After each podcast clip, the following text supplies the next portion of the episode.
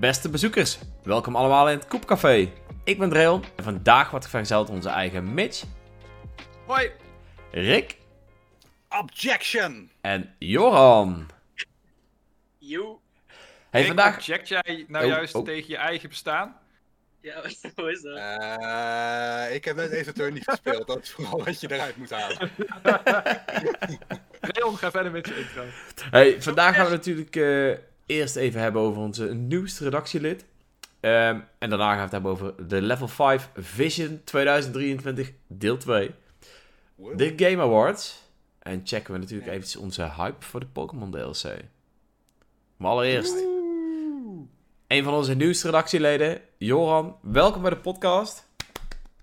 Ik zal niet te hard klappen, want dan... Joran, Joran, Joran. hey. zelf, nu we, nu we niet live met publiek zijn, moeten we zelf al het achtergrondgeluid maken. Dat is wel eh, Ja, Dat is even anders, hè? Ja, ja, een taak. wennen. Oh. Maar Daar wil ik dadelijk ook nog even op, ter- op terugblikken, want dat was episch. Maar laten we eerst eventjes, eh, eventjes Joran eh, het woord geven. Want Joran is eh, sinds kort bij ons eh, bij de redactie. Ehm, ik zou zeggen, stel je even kort, eh, kort voor. Ehm, hi, ik ben Joran. Eh, en ik ben geboren met een vreselijke aandoening. Ik ben Belg. Eh. Ah, nee. Oh, nou, nou, dat is wel een binnenkomer hoor. Ga verder, ga verder. Ja, hi, ik ben, eh, ik ben Joran, ik ben 22 jaar. Ik kom dus uit België, uit, uit Vlaanderen, zoals je misschien al kunt horen. Dat horen we. Grote, grote, Mhm. grote Nintendo-fan. Normaal, ja. Grote Nintendo-fan, zoals het, zoals het hoort bij de redactie, hoop ik. Eh, Ja? Zeker, zeker. Wij ook, ja. Eh, zoals je, ja. Ik, eh, ik hou vooral van eh, RPG's, visual novels en ritme games. Ik ben muzikaal iemand. Nice. Te En- zien ook aan die mooie piano Ja. of keyboard, wat die zit aan de achter, op, op je Dat is, achtergrond. ja, ja, ja, ja. Ik, speel, ik speel niet keyboard, maar ik speel clarinet. Ah. Nice. Wauw. nice. Ja. Dus jij bent een beetje de octo van, eh, van België. Vla eh, één, Vlaanderen en twee, laat, laat die grap maar. Ik heb al zoveel moeten namen. ja, die, die, die is populair. Ja, altijd als ik klarinet hoor, dan denk ik aan Eh, octo. ja, lach, lach, lach maar. Ik ben ooit met mijn klarinet naar, naar Facts geweest. Dat is de Dutch Comic Con van, Ne- eh, van België. Ja? Mhm. Oké, oké. Eh, en ik heb mijn klarinet meegenomen om mensen een cosplay een teamsong te spelen. Nice. Nice. Nice. Nice. Kijk, da- da- dan, dan schud je die octograppen gewoon van je af. Ja, dat is wel episch. ja. Want dat is echt erg hoor, want ik heb ooit acht weken proefles klarinet gekregen. En hoe vaak ik die grap in die acht weken heb gehad. Oh. Oh, ik doe er ook gewoon vrolijk aan mee. Het spijt me, jongens. Helaas, Dreon, je bent wederom niet origineel. Maar nou, dat wederom wel. niet. hey, jongens, ik heb een hele zaal aan het lachen kunnen krijgen om een Wii U-grap. Ik, eh, die cherish ik dat- Die Dat, dat is wel waar. Dat, dat, is de uitzondering die de regel bevestigt. Die ik. En die was wel goed. Maar, eh, Joran, jij houdt... Ik, ik ben natuurlijk eh, vooral benieuwd naar de visual novels. Want dat is wel een ding waar wij het eh, binnen deze podcast natuurlijk niet zo heel veel over hebben. Eh, wat zijn nou jouw, jouw lievelings visual novels? Ja, vertel eerst eens even wat meer over het genre visual novels. Ik denk dat we daar eens Ja, wat je, er, beginnen. eh, wat je er vet aan vindt en dat soort dingen. Ja, Ja, visual novels speel je voor het verhaal en voor de personages. En eventueel voor de, de side dingen dat ze eraan koppelen. Bijvoorbeeld puzzels bij Professor Layton of de rechtszaken bij Ace Attorney. Eh, mijn favorieten zijn dan Professor Layton en Ace Attorney. En ook, Oh, we eh, hebben het er eigenlijk ja, nooit zo vaak over. Ik vind die duidelijk. games ook heel leuk. Wauw, we hebben het er nooit over. Ja. ja, dat is waar. We hebben het er Ik, straks ik, over ik, ben echt, ik ben echt blij dat Joran eh, zich bij ons heeft gevoegd, man. Ja, nice. nice. Het enige nadeel is wel dat je nu je games moet gaan delen, Rick. Shit, Inderdaad, Kunnen we, hem Rick. nog, kunnen we hem nog even uitkicken? Of eh, Nee, te laat. Te laat. te laat? Te laat. Te laat. Jammer. Maar Zodat welke van die twee... eh, maar welke van die twee eh, is je favoriet, eh, Joran? Als je moet kiezen, Oh. eh, welke, welke game is jouw favoriete visual novel? Moeilijk. Als je slim bent, zeg moeilijk. je Ik, eh, versus Professor Layton. De epische crossover. dat, dat, is, dat is fair, maar. Ik weet niet, ik ga, ik, ga een, ik ga een andere moeten nemen, om eerlijk gezegd. Omdat ik het verhaal ervan gewoon beter, beter vind. En dat is Oh, oh. eh, Zero Escape Virtuous Last Reward. Die Ah, heb ik oké. nooit gespeeld. Leg eens uit, wat is Nooit die? gespeeld? Oké, dus eh, de Zero Escape series. ehm, je wordt met negen mensen opgesloten in een soort van horror escape game. Oh, En je daar heb moet- ik eh Mitch Ja, ik is gehoord. Nine Hours, Nine Punches, Nine Doors bijvoorbeeld. Is Ja, van dat is dezelfde, de, van de dezelfde serie. eerste. De is dat eerste, de eerste ja. game in de Zero Escape serie? Ja. Ja, dat is de Ja. eerste game, ja. Zero Escape trilogie, dus ja. Oké, nice. Ehm, Nog veel te is lange backlog. zo-. Het is gewoon een geweldig science fiction verhaal. En, en, Ja. ehm, even voor de, voor de mensen die natuurlijk eh, niet zoveel eh, weten over visual novels. Ik ben zelf eerlijk gezegd ook, ik weet al wat het is, maar ik moet zeggen dat ik er nog nooit één gespeeld heb. Ik denk Oei, niet tenminste. oei, oei, oei. Oei, oei, oei. Nee, serieus. Shame, ik denk niet dat ik ooit een visual novel gespeeld heb. Dus Ah, ja, ja. even, even voor mij, en misschien ook, laten we eerst even beginnen met, eh, met gewoon, wat is een visual novel? Wat is, eh, wat is het voor genre? Ik snap natuurlijk als je vertaalt dat het een visueel roman is, novel? maar... Ja, ja, visual novel is... Er zit niet zoveel Ehm, actieve gameplay in. Hè? Het is echt het ja, verhaal. het is niet En zoveel... dat Ja, is een beetje geanimeerd vaak. Moet je het, eh, ja. Moet je het zien als het lezen van een boek met eh, plaatjes erbij? Of, ehm, ja, maar dan interactief, je kan je eigen, ja, kan je eigen keuzes maken. eh, en zo, je moet zelf het verhaal vooruit sturen.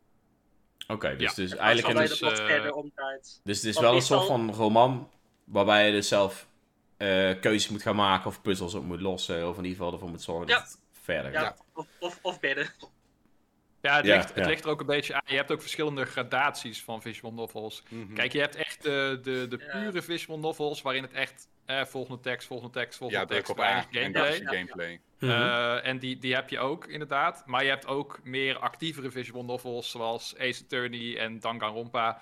Waarin je dus ook eh, moet nadenken over het juiste stuk bewijs presenteren op het juiste moment. Hè, als Ja. iemand die eh, in een soort eh rechtbankconstructie staat. Ehm, of kleine minigames moet spelen om bijvoorbeeld eh, mogelijkheden weg te strepen. Van hé, hey, de moordenaar zou dit kunnen doen, zou dat kunnen doen, zou dit kunnen doen.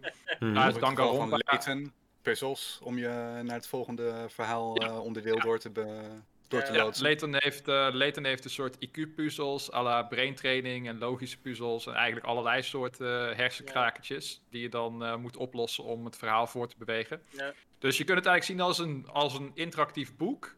Maar eh, in mijn optiek hebben de leukste visual novels, want dat vind ik, Ace Attorney en Danganronpa, eh hebben ook wel wat gameplay die je echt, eh, Ja, waardoor je echt moet nadenken en af en toe ook een beetje vingervlug moet zijn. Wat goed je aandacht erbij houdt. Oké. Ehm, ja. Ik ben ook wel heel benieuwd. Er is eigenlijk één game die ik altijd voorbij hoor komen als het gaat over visual novels. En die is nu niet genoemd. Ik weet niet of iemand van jullie die is? ooit gespeeld heeft. Doki Doki Literature Club. Dat is, dat is de visual novel die ik altijd hoor als het Oh, gaat over ja. visual novels. Ja, dat Ja. is wel een, een, een, viral game, zoals ze doen. Ja, Oké. dat is een Want? viral game inderdaad, ja.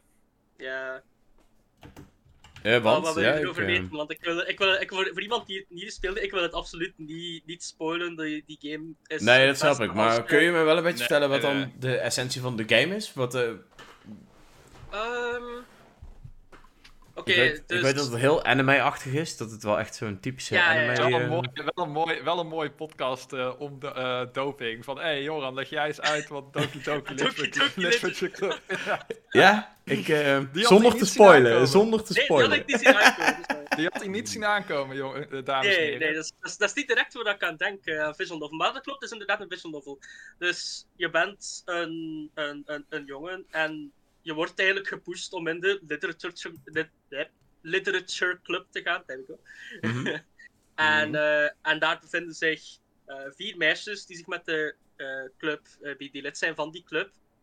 En je moet gedichten schrijven door woorden te kiezen die, eh, die het beste passen bij het meisje die je wilt, eh, hoe noemt je dat, paaien. Oké. Oké, dus je bent eigenlijk eh vrouw aan het versieren in een literatuurclub. Even heel Dat simpel klinkt gezegd. helemaal als jouw game. Dat klinkt wel als een game voor mij. Gaat dus die anime tour op. Oké, dus is, is het een harem-achtig dingetje of wat? Of, ik, Nee, het is gewoon, jouw, het is gewoon jouw standaard woensdagavond. Mm. Oké, ja, ik hou wel van literatuur op de woensdagavond, dus het klinkt goed. Ja. Oké, Nee, ehm, laat, ja, laat- en, laat en- ik het zo, laat ik het zo zeggen, laat ik het zo zeggen, Dreon, Mhm. om hier iets nog wat eh, aan toe te voegen. Ehm, het is een visual novel in de puurste sens van, eh, van het woord. Hè. Zoals ik net al zei, dus wel echt klik verhaal, klik klik verhaal, weinig gameplay. Maar het verhaal gaat eh, richtingen op die heel anders zijn dan de meeste mensen eh, verwachten.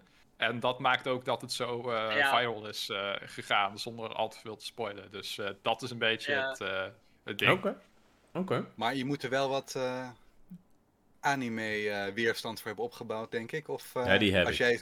Die Ja, heb jij wel, maar even voor de luisteraars die dat niet hebben. Ja, Dit ja. lijkt je toch een beetje uit te proeven dat als jij eh, op de versiertour gaat met eh, een harem van eh, vier. eh.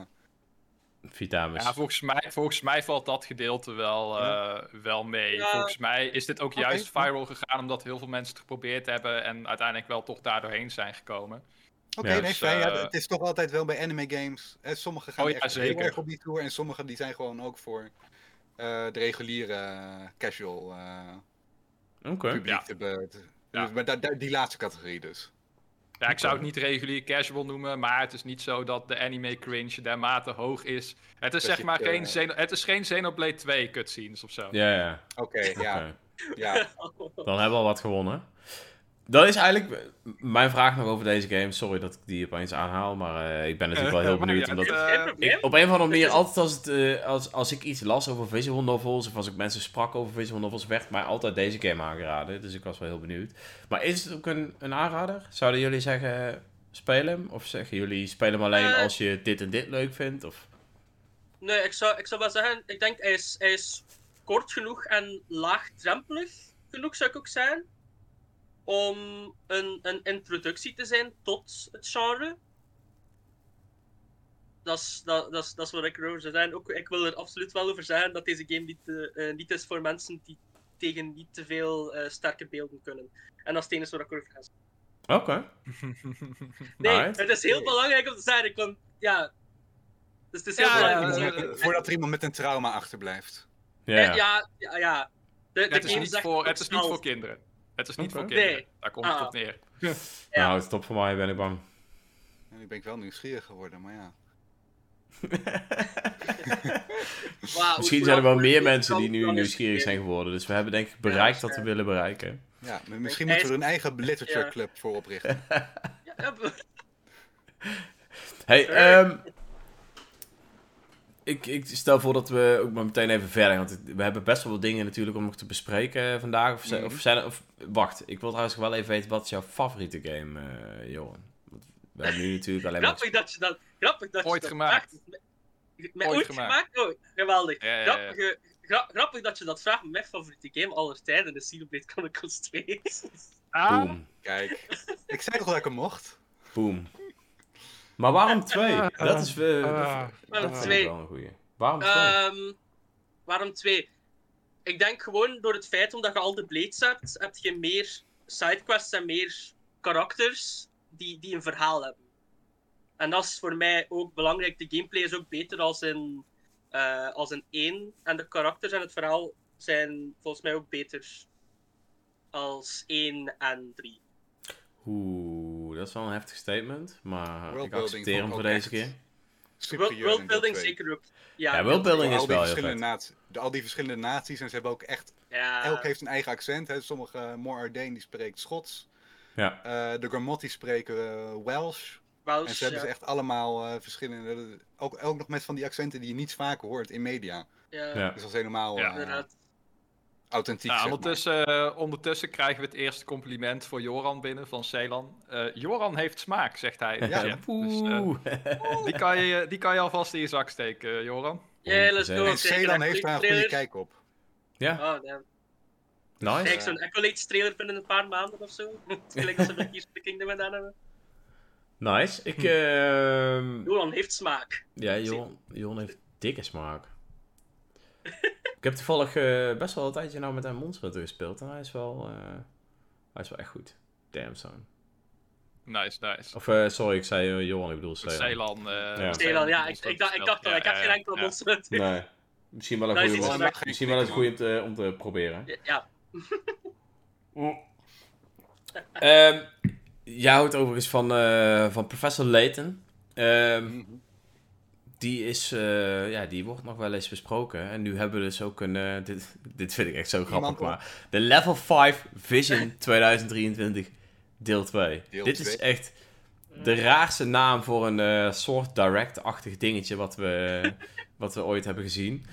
Ehm, maar die is pas geleden geweest, om precies te zijn. Wanneer? Oh, dat weet ik niet. Eh Ja, twee eh, weken terug. Ik, heb- ik heb alle nieuwtjes ervan eh, zitten Ik denk, nou, de komen site. de- You had, facts, one, you had one job, Rick. You had one job.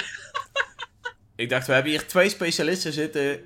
Ik bereid me alleen Ik- maar voor op mijn zegje Ja. en jij mag de rest Ah, doen, maar man. helaas. Nou ja, ik was gewoon helemaal uit het veld Ja. geslagen dat al mijn favoriete games die in aantocht zijn, nu allemaal zijn doorgeschoven naar 2025. In- Ja, dat is wel heftig hoor.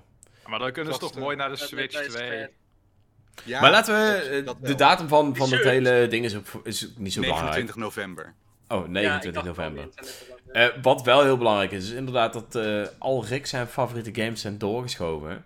Ehm Rick, Joran, heb jij daar ook last van? Want het is doorgeschoven, maar Ja. als, al- als, het, als 2024 nu zo'n jaar was als 2023, zou het mij niet zoveel kunnen schelen omdat er zoveel uitkomt. Maar ik weet niet, van 2024 weten we gewoon qua Nintendo weinig. Switch gewoon niet zoveel. Hm. Dus op dat vlak is het wel, wel spijtig. Also, what the fuck is post 2024? Ja, kan 2030 hè? Als je maar sure fucking komt. Ja. Nee, maar ik zal het heel even samenvatten, want Ja. eh, voor wie daar niet helemaal, eh, eh, helemaal into is, Level 5, dat is natuurlijk ehm, een Japanse third-party developer. Die kennen we onder andere van Professor Layton, Nino Kuni en Yokai Watch zijn ze ook heel erg onbekend eh, geraakt. En van de ehm, ja, niet eerste partijen zijn zij ja, toch wel degene die toch een beetje het meest Nintendo-achtig zijn. Ze hebben altijd enorme sfeer in hun games die ze kunnen vangen. En eh, we hebben ze een tijdje moeten missen in het Westen, want eh, ja, het ging even financieel niet helemaal lekker met ze. Maar begin dit jaar kwam de aankondiging, wij maken onze grote comeback en wij kondigen gewoon vijf titels aan, die niet alleen maar in Japan komen, maar die komen ook eh, hè, naar Europa, naar Amerika, overal ter wereld komen ze uit. En welke vijf titels zijn dat, eh, Rick? Ja, dat zijn dus onder andere Professor Layton en The New World of Steam, Deca Police, Fantasy Life I, The Girl Who Steals Time, Inazuma 11, Victory Road en Megaton Musashi. Die, en die laatste titel die ken je waarschijnlijk niet, want die is tot nu toe ook echt alleen Japan exclusief geweest. Dat is een beetje een eh, ja, typische Japanse mecha fight. eh Oh, weet ja, eigenlijk niet ja, heel ja. veel.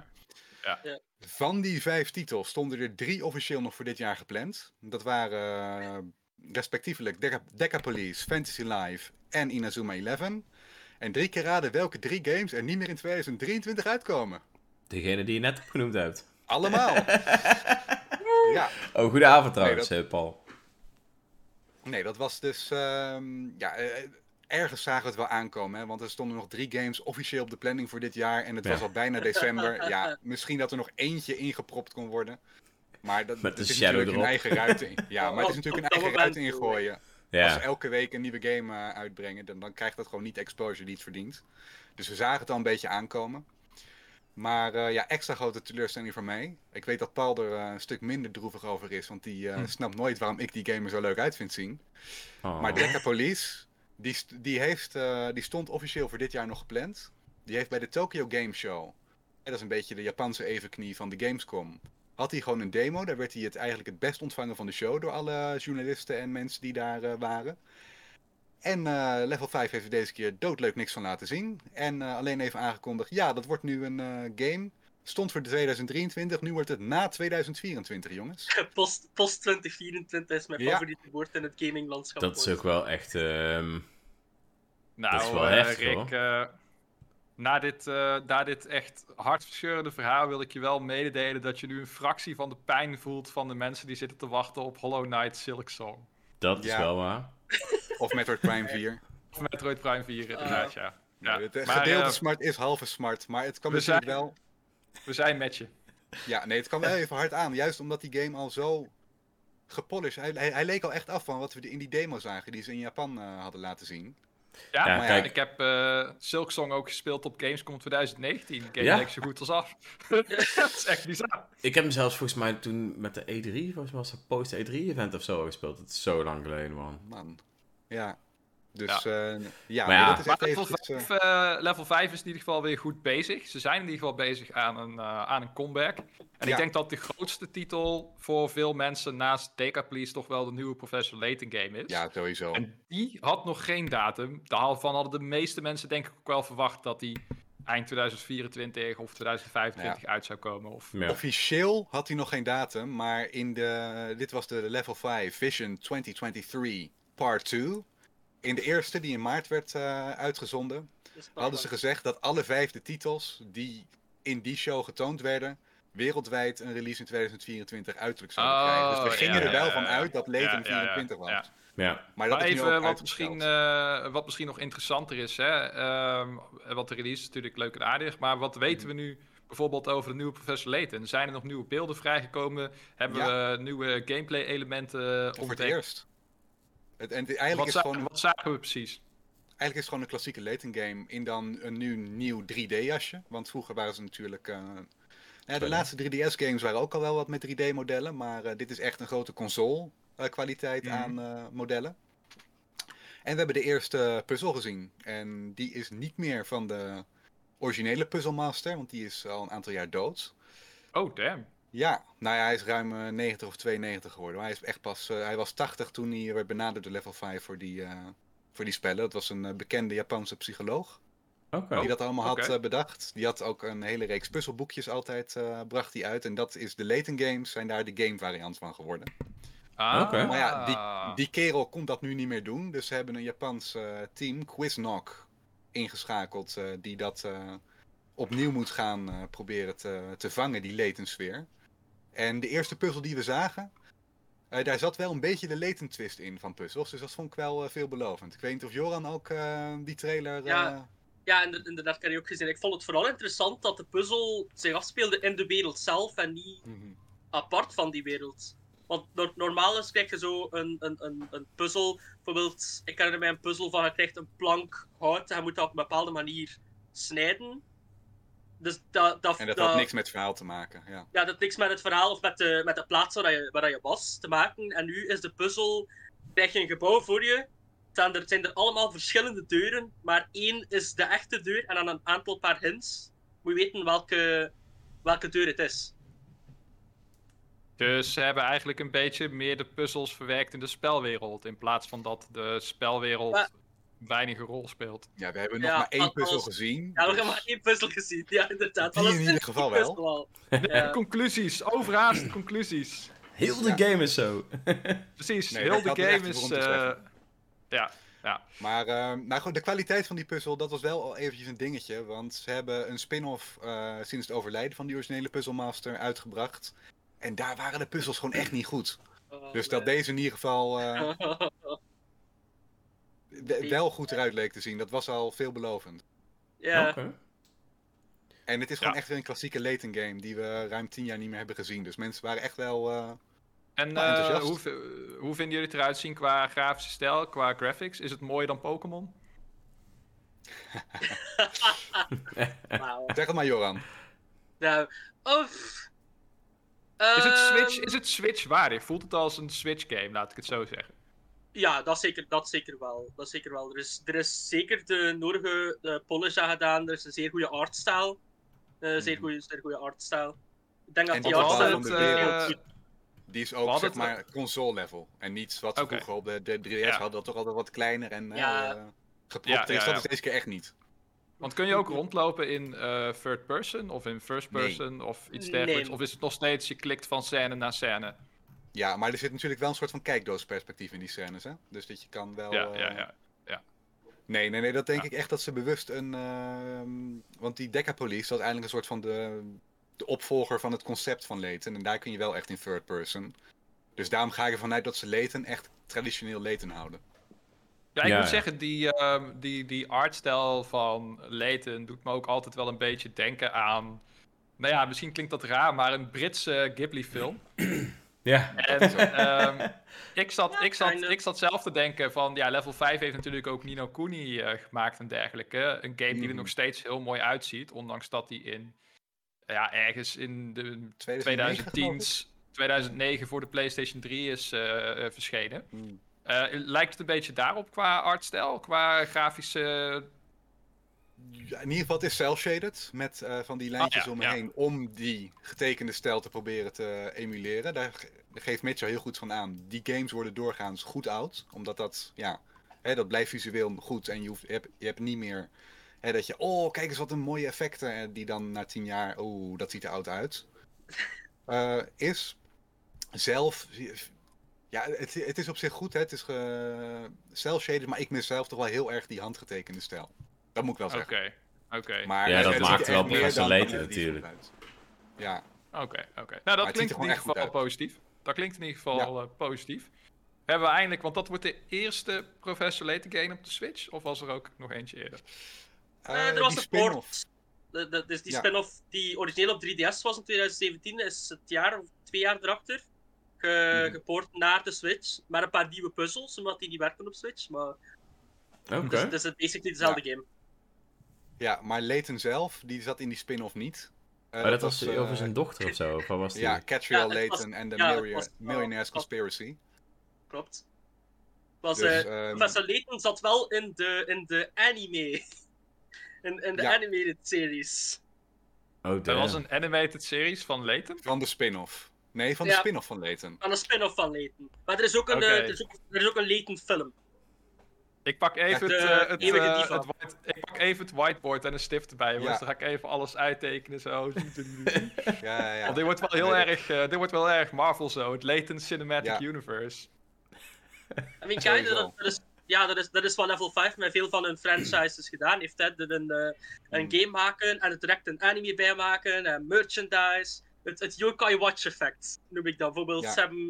Snack World gemaakt, dat ooit gepoord is naar Switch. Oh, en dan ja. hebben ze er meteen een hele race aan merchandise gedaan, dat dan niet veel verkocht, omdat de game uiteindelijk niet zoveel verkocht.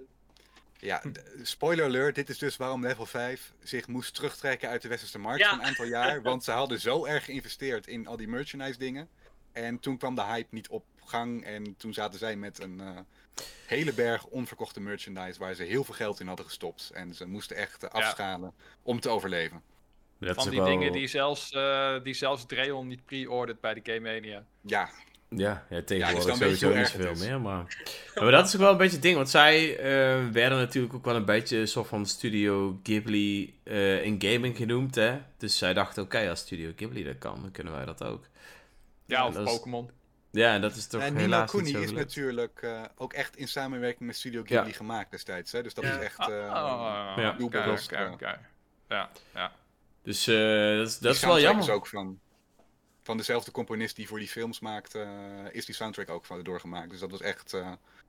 Het zijn altijd heel goede kwalitatieve Oh, nice. games. Het, altijd wel een beetje met dezelfde vibe. Het is ook heel vriendelijk voor mensen die nou ja, niet de hard, typische hardcore gamer zijn. Mhm. Ja, want het, is allemaal, eh, het ziet er allemaal een beetje uit als ja, tekenfilms, hè? Dat is, of familiefilms. De, zoals je Ja, ook het is een, beetje, het is een eh, beetje, het is een beetje cozy. Het is een beetje Ja. cozy. Ja. Ik vind dat leuk. Ik vind dat leuk. Hey, Ja. maar ehm, we, hebben natuurlijk, we hebben het nu natuurlijk alleen maar over eh, eh, Professor Layton gehad. Maar Decapolice, dat was wel een game waar je ook best wel naar uitkeek volgens mij. Ja, maar daar hebben we niks over te horen gekregen, behalve dat hij is doorgeschoven. Ai. Ja, we Ja. hebben wel een paar, eh, een paar nieuwe concept arts voor het gebied gezien. Maar ze zeiden van ja, nee, we, we hebben zulke goede positieve commentaren gekregen. We zijn helemaal teruggegaan naar de tekentafel. En dan denk je bij jezelf, huh? Maar ehm, het lijkt erop dat ze Ja? dit echt hun claim to fame willen maken. Dit, dit, dit is, was al op dat moment de grootste game waar ze ooit aan hadden gewerkt. En het moet nu nog toffer en nog gaver worden. Want ze hebben, althans dat zeggen ze natuurlijk voor de PR. Maar ehm, ja, goed, eh, de demo werkte gewoon en die was ook echt goed ontvangen. Maar we hebben echt alleen het eerste deel van die game gezien. Dus het kan heel goed zijn dat de rest gewoon totaal nog niet in elkaar zit. Of dat ze inderdaad echt zeggen, ja, dit moet nog groter dan Layton worden. Dit moet echt een AAA-titel worden. Op het moment dat we deze in de markt zetten, die moet gelijk 3 miljoen keer de toonbank overgaan. Ja, dan moeten ze nog even aan schaven. Even Ja. opnieuw aan werken. Ja, want- mijn, wat er- mijn, mijn Mhm. angst is ook dat ze zich te, te dun gespreid hebben over al die Ja. projecten. Want ik weet niet hoeveel employees dat, hoeveel werknemers dat level 5 heeft, hoeveel, hoeveel freelancers Ja, als dat ik ook niet in mijn hoofd. gehuurd Maar hebben. Ja, het is gelijk eh, Fantasy Life. Dat weten we dat gemaakt is door Concept, de, de developers achter Mighty Number 9. Dus dat gaat totaal, Oh ja? totaal top. ja, het is Ja. gemaakt, gedeveloped door Cons- eh, Concept. Eh, Maar al de andere eh worden, ga ik vanuit dat ze in huis door level 5 gemaakt worden. Dus dat is ook waarom, denk ik, al die spellen zijn uitgesteld. Hè? Want ik, ik gok dat het Ja, ik een, denk eh, een, een kettingreactie is. Hè? De een kan niet uitkomen, dus dan kunnen ze niet mensen van dat project doorschrijven naar bijvoorbeeld Layton. Ja. Ja. dus moet alles worden doorgeschoven. ja. eh, Ja. Ja, Maar samen, samenvatting is dat level 5 fans in ieder geval wel weer wat hebben om eh, naar uit te uit kijken. te in ieder geval. Want Na wat in eh, duistere jaren. 2024 komt er ook nog weer nog een nieuwe game aangekondigd. Dat hebben ze op het einde van die eh, presentatie al eh, voor aangekondigd. Dat was inderdaad dat mijn volgende vraag. Ja. En dat lijkt iets uit de Yokai Watch serie te worden, als je een beetje kijkt naar Ja. de, de stijl van die aankondiging. Maar ja, dat, is, toch de consensus online. En wat ik Ja. zelf ook denk, dat ik Yokai Watch is. Oké. ja, je hoorde het aan de muziek en je zag het aan de visuals van die, eh, van Ja. die teaser.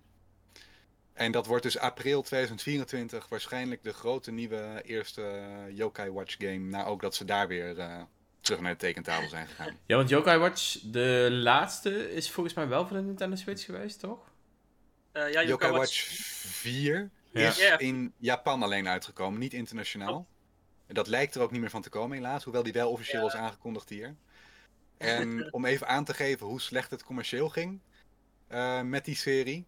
Ja, dat was ooit een hype zo groot als Pokémon. En ze hebben hem nu voor het eerst bij Yokai Watch 4.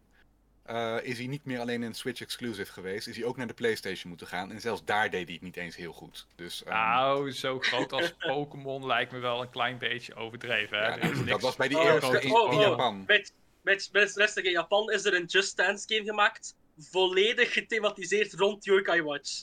Dat is no joke. Ja, maar hoeveel, zo- zo groot vliegtuigen, was dat ja, maar, hoeveel, maar, hoeveel, maar hoeveel Japanse vliegtuigen heeft Yokai Watch op zijn naam staan? Pokémon heeft, Ja, dus, niet zoveel als Pokémon, Pokémon. Heeft er iets van 16 als je naar Wikipedia gaat. Yep. Dat is echt bizar. dat is echt Nee, bizar. nee, eh, compleet fair enough natuurlijk dat het nooit zo, zo groot als Pokémon is maar geworden. het was maar wel in, was in. Japan, die Ja. eerste game, die hype succes. hadden ze niet meer gezien sinds Pokémon. En vervolgens Ja. hebben ze die, dat momentum niet kunnen vasthouden. Maar het leek er echt even op. Oké. Ja, ja, ja. Oké, oké. Nou, wie weet, eh, wie weet wordt het natuurlijk wel een eh, hele toffe game. En eh, is dat wel een game die ik ga pre-orderen? Who knows? Who knows? Alleen de Game Mania knows.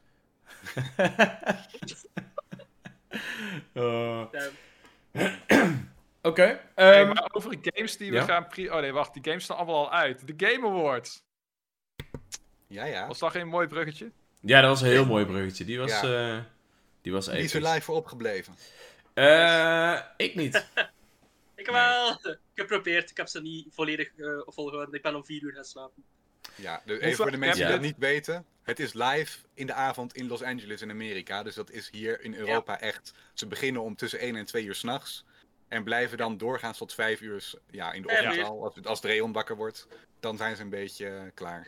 Nou, misschien Dus, moeten we eh, ook even kort, eh, kort uitleggen wat de Game Awards zijn. De Game Awards zijn eigenlijk de grootste awardshow voor, eh voor videogames. Van alle platformen, dus Nintendo, PlayStation, eh, Xbox, et cetera.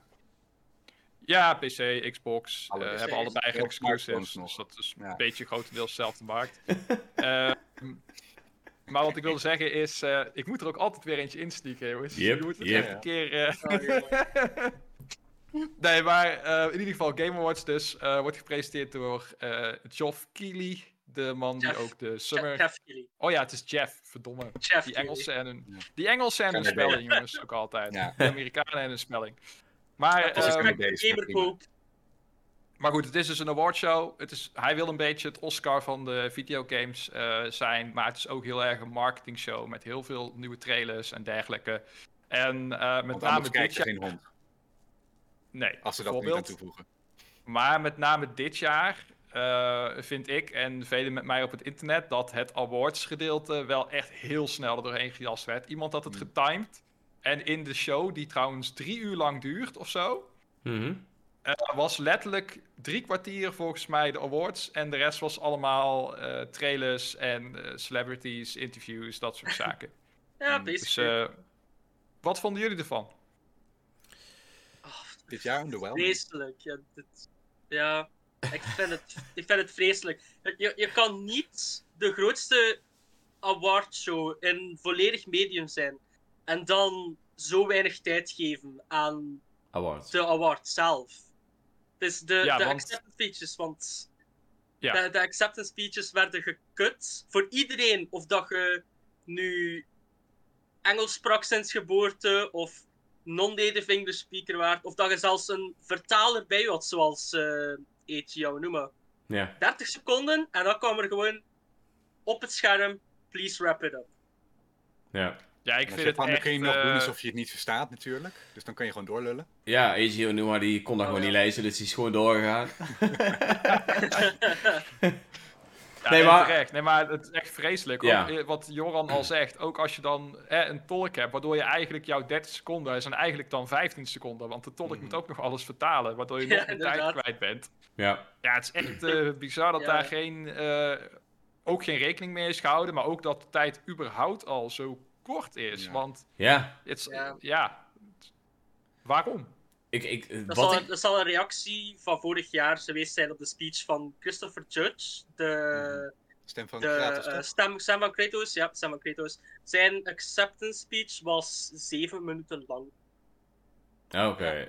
Ja, goed. Ja. dat, is wel, dat is wel het voordeel. De Game Awards pakt echt wel de feedback altijd op. Maar het risico is dat ze dan weer doorslaan. Ik wou het zeggen, je kunt er ook een minuut van maken. En iedereen die eerder klaar is, is eerder klaar, weet je.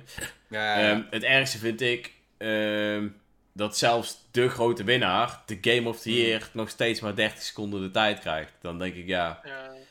Ehm, Ze- Ja, nee, dat was... eh, ik, ik heb dus Eh.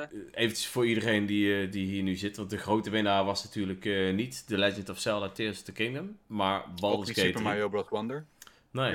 Het was, eh, het was Baldur's Gate 3 van eh, eh, Belgische ontwikkelaar Larian eh, Studios. En ik, kan, ik, ik heb toevallig nog zitten kijken eh, na deze speech, waarbij Sven Vink is volgens mij eh, de directeur van het bedrijf. En denk ik. Die, ehm, Volledige armor, by the way.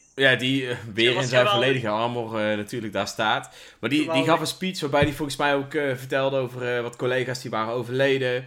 Ehm, Ja. In ieder geval, ja, een redelijk Ja, eh, hardveld speech, zeg maar. Echt over, eh, ja, we hebben het als team gedaan en ik wil speciaal eventjes eh, de- deze collega bedanken, want die is, die is overleden. En terwijl hij dat aan het vertellen was, zag je dus heel groot voor zijn gezicht dat hij moest stoppen met Onder praten eigenlijk.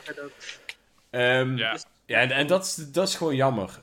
ik kan me voorstellen dat ehm, iedereen die een prijs binnenhaalt, dat ze bij de wat minder belangrijke prijzen misschien zeggen: hier heb je 30 seconden of zo. Maar dat, voor de grote winnaar nog steeds 30 seconden, ja, dat vind ik echt. eh, Ja, Nee. Kleine prijzen zaten trouwens al in de voorshow opgenomen. Hè? Juist Ja, onder andere. dat- ja. ja, maar dat, is, dat, dat, dat vind ik wel echt Maar, eh, heel Ja. jammer. Bijvoorbeeld bij dingen als score en music werden de composers, de componisten, zelfs niet eens genoemd. Behalve Oké. degene die gewonnen had. Ja, en, ja inderdaad. Ze zeiden gewoon best score en music, deze game, maar niet wie dat de muziek gemaakt heeft. Want Maar dat is ook gewoon zonde, want juist als je iets van vijf no- nominaties hebt en je hebt zo'n orchestra zitten, doe dat gewoon door die hele show heen. Dat je, hè, en, en nou, eh, even, de, de eerste nominatie, dat je daar echt even zo'n hele mooie orkestrale score van krijgt. En dat je dan door de hele show eh 1, door 2, de- 3, 4, 5 en dan dat je eindigt met, eh, en dit is de winnaar. Ja. Die hele show, die, die orchestra is echt super vet. Maar die staat er maar Ja. voor een medley van drie minuten. En op drie uur Oh, en- is dat ook en- wel en de- jammer.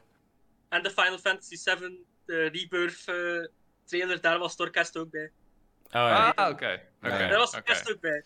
Oké, Dus maar- van de performance en van de performances heb ik echt wel genoten. Dat was de beste commercial voor Alan Wake 2 dat ik ooit gezien heb. Eh, de, ik, voor mensen die het niet gezien hebben, ze hebben een, ehm, er is een band en die noemt The Old Gods of Escort. Oh, En toen, ze, toen zepte ik net in. Ik dacht echt, wat de fuck zit ik hier te zien? Ja, ja, dat, dat is iets Dat dat, een is, andere heidense cult. ja, inderdaad, dat is iets dat echt gebeurt in de Heidenen game. op mijn Alan scherm. Wake 2. Ja, nee. En, en het beste is, de, het hoofd van de studio heeft meegedanst, als ik me niet vergis. Sam Lake. Nice. Nice, nice. Nice. Hey, maar ik, Nice. ik, ik zou nou eigenlijk wel. ehm, eh, we kunnen natuurlijk nog, eh, nog heel lang klagen over, eh, over deze show. Maar ik, ik ben wel heel benieuwd, hoe komt zoiets tot stand, zeg maar? Hoe, hoe is die show zo gevormd zoals die nu is?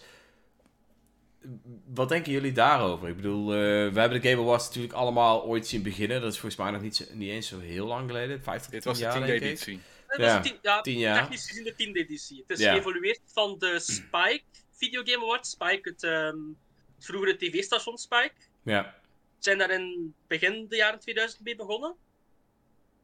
Dat was niet zo goed, nee? wat Nee. ik ervan gezien heb. Ja, nee. Gelijk, eh, Keely- Keely heeft het al twee keer eerder geprobeerd om iets van de Game Awards Ja. op te zetten. Maar het lukte gewoon telkens niet, omdat het niet... Kijk, bij een Hollywood-film denken mensen... Oh, hey, cool, dat is Brad Pitt, man. Daar ga je de- naar die awardshow willen kijken om te zien of hij Ja. wint.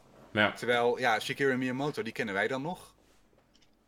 Eh, je hebt Ko- Kojima, je hebt eh nou, An- Anuma net. En voor de rest kent niemand eigenlijk die mensen bij, naam of bij gezicht. Dus ja, met alle respect, maar het boeit de meeste mensen gewoon niet om alleen die awardshow te kijken. Mhm. Dus daarom heeft Keely uiteindelijk Ja. gezegd, weet je wat, we gaan allemaal eh, een soort van mini-E3 ervan proberen te maken. We regelen zo'n episch orkest. En we gaan er echt een soort van celebration of gaming van maken.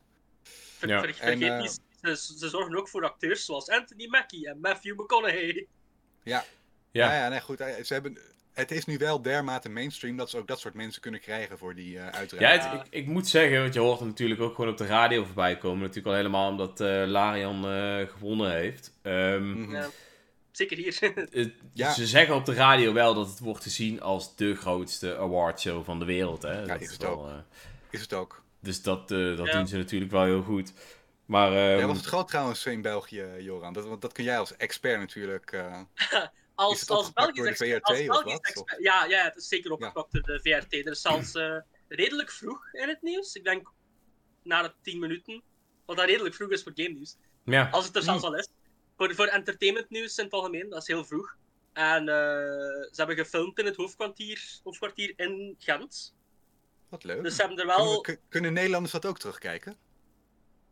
eh, ja, dus gewoon een 14 Nee, die worden geïP-blokt. Jammer. Worden ze geïP-blokt, serieus? nee. Nee. joh. Ja, ja. Je weet- maar nooit, want nee, weet je wat het is? Ik, ik kijk soms ehm, de pro- programma's van Arjen Lubach op de NPO en oh, op YouTube, want ik kan niet op NPO Start gaan omdat ik Belg ben. Oké. Dat is geen joke. Oh, Dat is geen discriminatie, discriminatie. Boze brief sturen naar de NPO. Boze brief. Boze brief sturen naar de NPO. Mm. Ja, 100%. Maar het is wel tof dat hè, zo'n regulier nieuwsprogramma als de, de VRT staat bij jullie toch hoog. eh, VRT Nieuws staat gewoon hoog aangeschreven als ons NOS Nieuws toch een beetje, hè? Als ik het mag ja, vergelijken. Het is, het is gesubsidieerd door de overheid. Ja, dus het is de Ja, eh, precies. publieke omroep. eigenlijk, Het is publieke omroep, ja. Publieke omroep. Ja. Ja, Ja, Ja. Dat dat, eh, dat dat gewoon daar aandacht krijgt, is gewoon heel vet. En ik weet ook nog Ja, een dat is, jaar dat is zeker Ja, vet. Dat is zeker. Guerrilla Games, die hebben, zijn natuurlijk van de Horizon Games eh, van PlayStation, maar die Mhm. komen uit Amsterdam. En een paar jaar terug waren die natuurlijk eh, genomineerd. Toen is het ook hier goed opgepakt. Maar ja, toen ging Ja. Zelda er wel met de winst vandoor. Boom. Dus eh, Ja. ja, maar leuk. Ik vind, wat, te horen. ik vind wat dat betreft wel dat, dat de Belgen het beter doen met, eh met Baldur's Gate 3. Een game die wel echt, ook qua gameplay, echt heel vernieuwend is. Terwijl Guerrilla, ja, natuurlijk ook heel vet. Hartstikke vet dat zo'n productie plaats kan vinden in Amsterdam. Maar het is Mhm. wel altijd een beetje, naar mijn mening, vooral mooie plaatjes. En qua Ja. gameplay is het niet super Ja. bijzonder of vernieuwend of whatever, weet je wel. Dus wat dat betreft, eh, punten voor België. Ja, we- ja, ook, Baldur's- vergeet ook niet, Larian heeft, eh, Larian heeft zes studio's over heel de wereld. Vergeet dat ook Hmm. niet. Nou, Oké. Dus, ja, dus en, hij is een, een, een paar in Azië, een paar in Gent. Eh, en ik denk ook een paar in Amerika. Dus die kunnen rond de klok voortwerken. Ja, ja. Wat en dat voor origine is het ook niet een. Belgisch bedrijf of dat is gewoon toevallig eh, ooit in Gent neergestreken? Eh, het is een Belgisch bedrijf. Het is gestart met edu- eh, educatieve software. En dan begonnen met Mm. de Divinity-serie.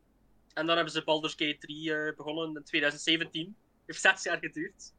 Ja, maar ze hebben in de tussentijd nog wel Divinity Original Sin eh 2 en zo allemaal gemaakt natuurlijk, hè. Ja.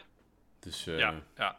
Wat Dus voor de mensen die dit luisteren en eh, alleen de Switch hebben en net even Baldur's Gate 3 moeten missen. eh, als je andere games van Larian wilt checken, eh Divinity Original Sin 2, zoals Trailon noemt, is Ja. Trailon ook altijd heel enthousiast over geweest in de podcast. En volgens mij zijn de eerste twee Baldur's Gate games ook op de e-shop Ja, eh, te Die, die, die, verkrijgen. zijn, Ja. ja. die zijn op de e-shop, denk ik, maar die zijn niet van Larian. Zeer Oh, die zijn niet van Larian. Nee, Oh. die, Nee, die zijn niet van Larian. nee, die zijn eh, van... Oeh, dat is wel ook een hele bekende studio die Baldur's Gate gemaakt heeft. Nou, maakt niet uit. En ik heb overigens nou- een, eh, een review van Divinity Original Sin 2 op de website staan. Dus eh, check die Ja. zou ik zeggen. Dus wil je iets anders van Larian spelen of oude Baldur's Gate spelen, maar niet allebei tegelijk, dan weet je nu hoe je dat moet doen. hey, maar nog heel even vlug terug naar de, naar de Game Awards. Want waar, waar denken jullie dan dat, dat het nu misgaat? Ik, ik zelf moet eerlijk zeggen, ik vind het leuk dat er altijd een hoop nieuws uit de eh, Game Awards komen. Maar ik kijk ze echt nooit. Ik vind het zo'n Ja. zonde van mijn tijd. ja, Drie uur lang commerciële rotzooi. Dus zo voelt het voor mij. Hè. Misschien is het nu wel voor het anders. Maar iedere Nee, keer... maar- Maar Als ik Rick, ze Rick niet heeft kijk- er al een beetje naar, eh, Rick heeft er al een beetje naar gehind. Het was natuurlijk geen succes op de manier zoals het eerst Mhm. geprobeerd werd. Mhm. Dus zijn ze naar dat commerciële gegaan, naar dat grote gegaan. Eh, en dat is eigenlijk gewoon te ver doorgeslagen. Want op het moment dat Ja. je gaat samenwerken met al die partners, dan verwachten ook al die partners wel dat hun eh, de marketingmomentjes krijgen, de kansen krijgen om gewoon hun games en hun bedrijven en hun eh, werk te promoten, om het zo maar te zeggen. Ja. Eh, en dat Ja, is gewoon een soort van sneeuwbal geweest. Die blijft maar rollen. En die blijft rollen richting het commerciële. En die rolt steeds Mm. verder van het oorspronkelijke doel af. Wat de, hè, wat de prestige, de, de serieusheid was. En ja, maar het is ook wel iets Amerikaans, geloof ik. Want Ja. ehm, eh, het boeit me verder totaal niet wat American football doet. Maar bij die Super Bowl, dat is een beetje daar, hè, het grote big event.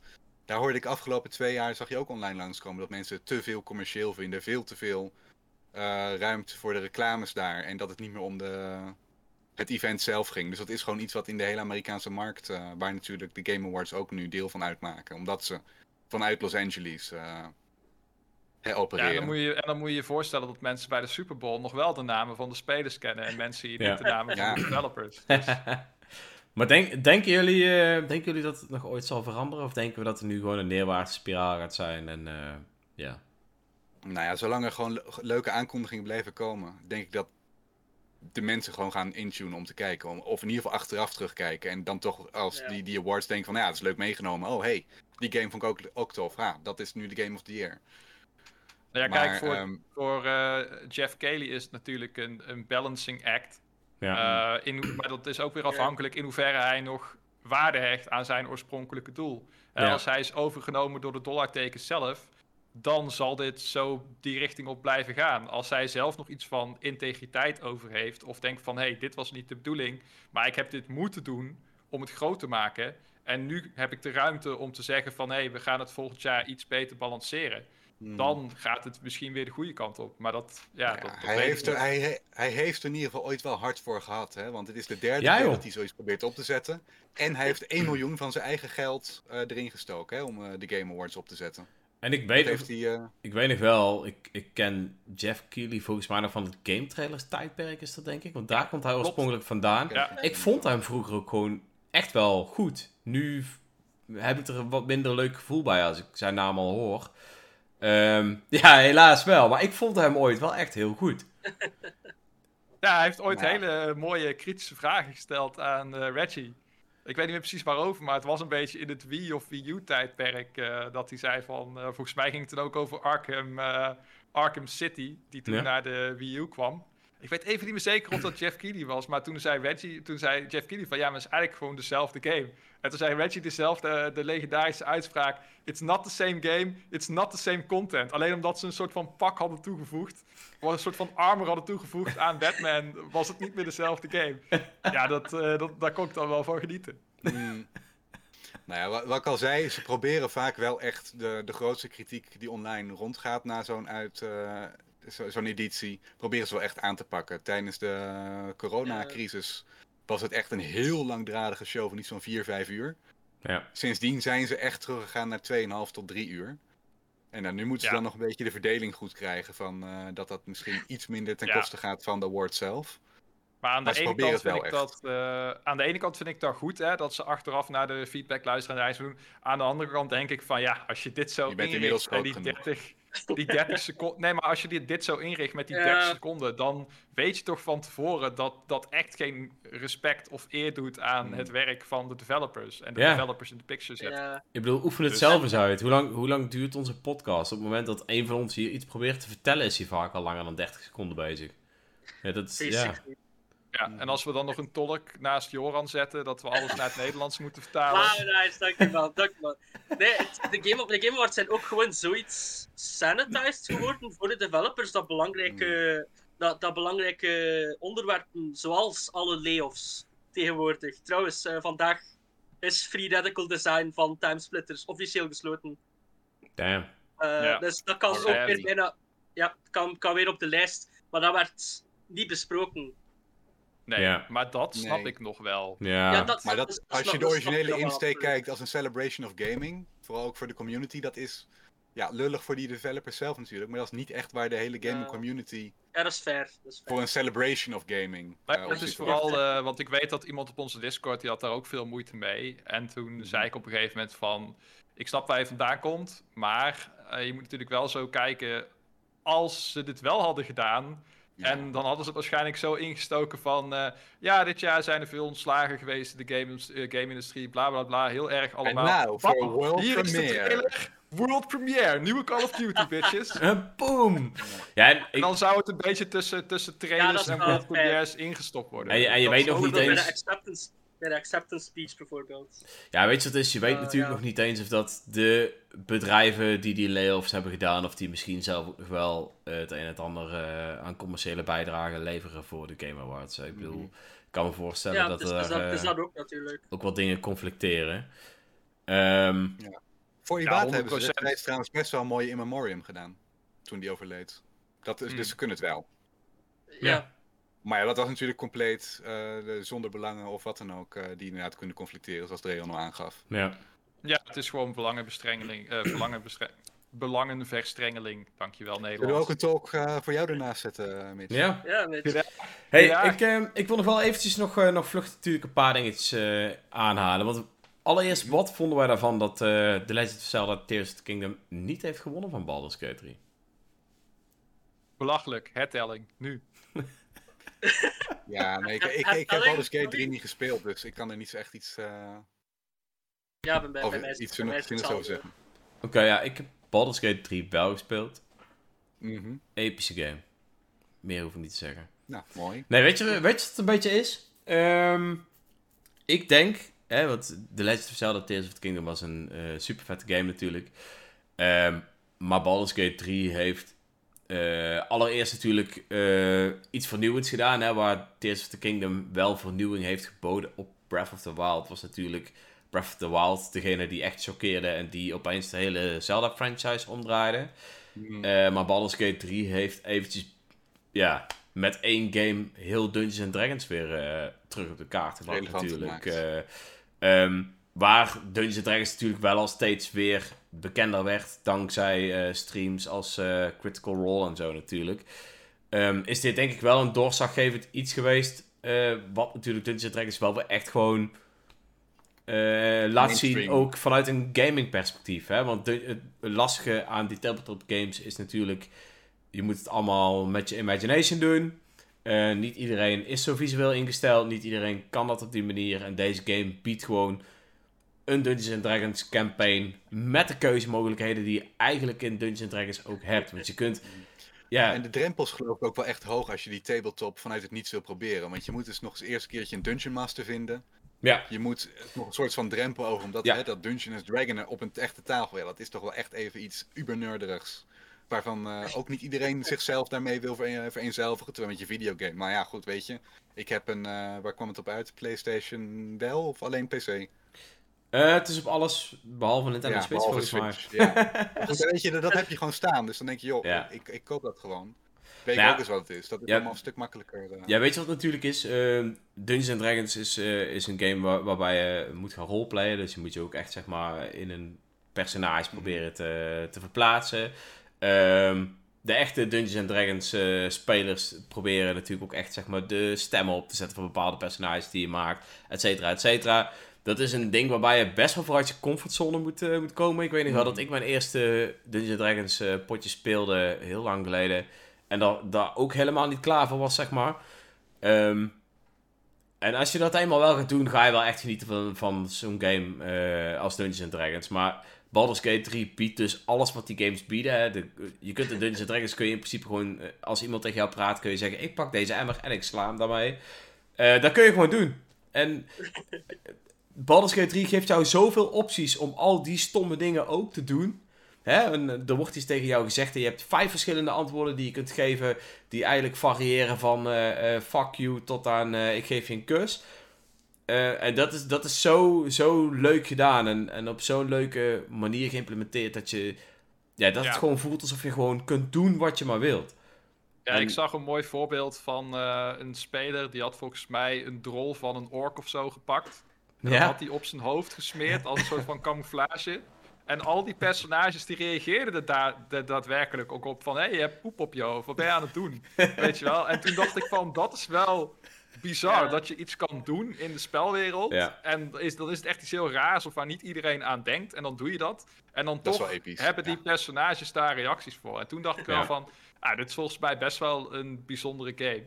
Ehm, en Ja. daarnaast is het ook natuurlijk zo, hè, wat Draenel zegt klopt helemaal. Baldur's Gate eh 3, eh, alles wat ik van heb gehoord, uitstekende game, doet echt nieuwe dingen. Maar daarnaast is het natuurlijk ook zo dat iedereen wel had verwacht dat Tears of the Kingdom een geweldige game zou zijn. Ja. Maar Baldur's Gate 3, die stond eigenlijk niet echt op mensen hun 2023 lijstje als van, Mhm. oh, dit wordt waarschijnlijk de Game of the Year. Ehm, ik denk ook dat dit de eerste keer is dat de naam Baldur's Gate 3 valt op de Game Awards. Je hebt altijd de eh, meest, ja, de meest hype game voor volgend jaar als het ware. Daar hebben ze ook een Mhm. stemming voor. Die had Tears of the Kingdom vorig jaar gewonnen. Ja. Volgens mij stond Baldur's Gate 3 niet eens in het lijstje. Wel Spider-Man 2 en dat soort dingen. Nee. Dus het is Ja, echt mooi om te zien hoe zo'n eh, game als Baldur's Gate 3, ondanks dat ik Zelda-fan ben, pijn in mijn hart, alles, je weet, al die dingen. Ja, Maar ik ja, gun het ja, ja. Baldur's Gate 3, want ja, Ja, om, Snap om je? even te illustreren hoe groot de Zelda-fan Mitch is. Hij neemt elke keer, elke keer dat er een nieuwe Zelda-game komt, een week vrij. Hè, om gewoon eh, vol Zelda te gaan. om uren te nou ja, bijna twee weken zelfs. Ja. Damn, Bijna twee weken veel zelfs. uren gespeeld. Holy shit. En zelfs dan Ja. vind je nog dat eh Baldur's Gate het eh, stiekem toch al mag hebben. Ja, het Dat- is, dat het, is de, het, is, het, is de, het is de nieuwere, nieuwere het is de new kid on the block, zeg maar. En Zelda Tears Hmm. of the Kingdom, een fantastische game, maar bouwt natuurlijk voort op Breath of the Wild. En Ja. is de tweede keer Geen natuurlijk momentum. net wat, net wat minder eh, ultiem, om het zo maar te zeggen. Net wat minder dat je denkt van, wow, wat is dit? Ja, die WoW hebben we natuurlijk eh, een paar jaar geleden al gehad. Ehm, maar ik denk dat, dat Baldur's Gate 3 ook wel natuurlijk eh, een bepaald genre naar voren brengt. Hè, zoals eigenlijk de westerse RPG, zoals ze dat meestal noemen. Eh, en, en dat er gewoon weer nieuw leven in heeft geblazen. Want noem even een westerse RPG op die nog niet zo oud is. Ik kan me nog niet eens iets herinneren behalve Divinity, Original Sin Divinity 2. Original Sin 2. die ook van hun afkomt. Dus dit is I- I- gewoon... I mean, Star- Starfield is een westerse RPG, hè? Oh ja, oké. Je bedoelde een goede maar- RPG, sorry. Nee, Ja, oh, goeie. Ja. nee ehm, ik- het, is, het is ook wel echt natuurlijk een, een, Was het niet deze keer, hè? een RPG, eh, ook, ook een beetje in de oude stijl natuurlijk, eh, de eh, top-down eh, RPG's. Ja, Ehm, ja, en, en andere westerse RPG's zijn denk ik dan, dan ga je toch wel iets meer eh, richting The Witcher, et cetera. Maar dit is gewoon echt een, eh, een ja, even kijken. Oh, Paul zegt een. Bethesda-ese RPG. nice. Ehm nou ja, ik, ik denk dat dit wel weer eh, ja, het genre weer opnieuw heeft laten Op zien. kaart met westerse. RPG's kun je zoveel vette dingen doen. Ehm, de laatste RPG die ik heb gespeeld daarvan is denk ik Pillars of Eternity geweest. En die was ook leuk, maar dit is echt gewoon goed. En, eh Ja, dat is nice. genieten. En we hebben, we hebben ook nog andere winnaars gehad aan de Nintendo-zijde. Eh, Super Mario Wonder, Best Family Game, zal niemand Boom. verbazen, want dat is eigenlijk gewoon de Nintendo-categorie. Ja, altijd. Eh, Elk jaar Maar zit, Pikmin- is geloof ik eentje maar die niet van Nintendo is eh, voor de vorm die genomineerd wordt. ja, ja, ja, ja, ja. maar voor de maar- beste family game? Eh, Mario Wonder heeft de Best Family Game gewonnen. Ja, nee, want hij, hij, hij zei, hij, eh, Rick zei iets van de family game dat één die door Nintendo was gemaakt of gepublished? Of was hij... Nou, dat is, va- dat is vaak. eh, bij de, als je bij de Ja, Game Awards kijkt naar ja. de categorie Best Family Game, vier Nintendo games en eentje van, nou ja, Ja. hè, dan doen we er nog eentje Deze- bij om deze- eh, niet deze- biased te lijken. Deze, deze keer niet. Deze, deze keer niet. Het waren maar twee Nintendo games. Oh Klopt. joh, Klopt. De, goed de, jaar de, voor de rest dan. Ja, de, de Nintendo-categorie dit jaar was eh, Best Strategy, Best Strategy Game. Nou, daar waren er drie Nintendo games. Advance Wars, Fire Emblem Engage en Pikmin 4. En wie heeft er gewonnen? Ja. En de Game Award goes to... Uh, Pikmin 4! Woe. Wow! Nou, heel Ja, eerlijk. het was eh, feest, feest in Huis Dreon. Ja? Mhm. Nou ja, ik, eh, bij mij was het geen feest, want ik lag lekker te slapen. Dus, eh, Dat maar is altijd een feestje, toch? ik moet wel zeggen, natuurlijk, Pikmin 4 is ook wel een game die, eh, waarvan natuurlijk ook niemand echt had verwacht dat het eh, zo goed ontvangen werd. Maar die is uiteindelijk wel gewoon heel goed ontvangen. En ook leuk om te zien dat hij natuurlijk eh, wel een award wint. Toch? Mhm. Ja. Jazeker. En dan hadden we natuurlijk nog Oh, Tears of the Kingdom die wel een award binnensleepte. En dat was? Action Adventure geloof ik, toch? Best Action Adventure Eh, game. klopt, ja, klopt. Ja. Best Action Ja. Adventure. Dat is toch altijd een beetje de troostprijs, hè? Ja, Volgens mij had ja eh. God of War die ook gewonnen vorig jaar, dacht ik. Ja, volgens mij wel. Waars- waarschijnlijk ja. wel. Ja, ja, Meest-. Meestal, meestal is de winnaar van Best Action Adventure ook de Game of the Year. Meestal. Meestal wel. Ja. Meestal, ja. Meestal wel. Maar dit is het jaar van uitzonderingen, hebben we net al ontdekt. Dit is het jaar van uitzondering, inderdaad. Plot twist. Nou ja, vet. Ik, eh, ik hoop in ieder geval dat we volgend jaar weer eh, leuke Game Awards kunnen kijken. Waarbij we toch iets meer spreektijd krijgen voor degenen die winnen. Sowieso iets wat meer tijd besteden aan de awards. Maar eh, alles wat eruit voorkomt is toch altijd wel wel leuk. Eh, nog heel even vlug. Wat vonden jullie de leukste aankondiging van de Game Awards? Jammer Ja, ehm, hopelijk volgend jaar eentje. De, laten we het zo zeggen, de aankondigingen die ook op de Nintendo Switch uitkwamen, die waren redelijk dun gezaaid. Ja, Ehm, Ja. Ik vond zelf, vond ik ehm, die eh, soort van Afrikaanse Metroidvania, vond ik er heel, oh ja, goed, eh, van- heel tof uitzien. gepub- Gepublished door EA. Tales, ja, Tales, of, eh, Tales of Kenzara zou, volgens mij als ik het goed uitspreek. Eh, wordt gepublished door EA, noemen ze een EA Original, wat natuurlijk een beetje de EA-versie is van Ubisoft Original. Maar dat is goed, want de Ubisoft Original staat Nee. vaak wel voor kwaliteit. Nee, de EA Originals is eigenlijk de meer indie publishing label. Ja, Eh, ja, ja, ja. het, het, eh, Ubisoft Original betekent gewoon dat het gemaakt is door Ubisoft. Oh ja, nee, dan haal ik hem door de war. Ik zat te denken aan die Ja. Rayman games en aan die, eh, die nieuwe Prince Nee, of Persia, die er ook heel vet uitzag trouwens. Nee, Ja. gemaakt. Al, elke Ubisoft game is de Ubisoft Original. Oh ja, ja, ja, oké. Ja, Ja. nee, de Oh, indie nee, nee, publishing ehm. Rayman was eh UB Art, volgens mij.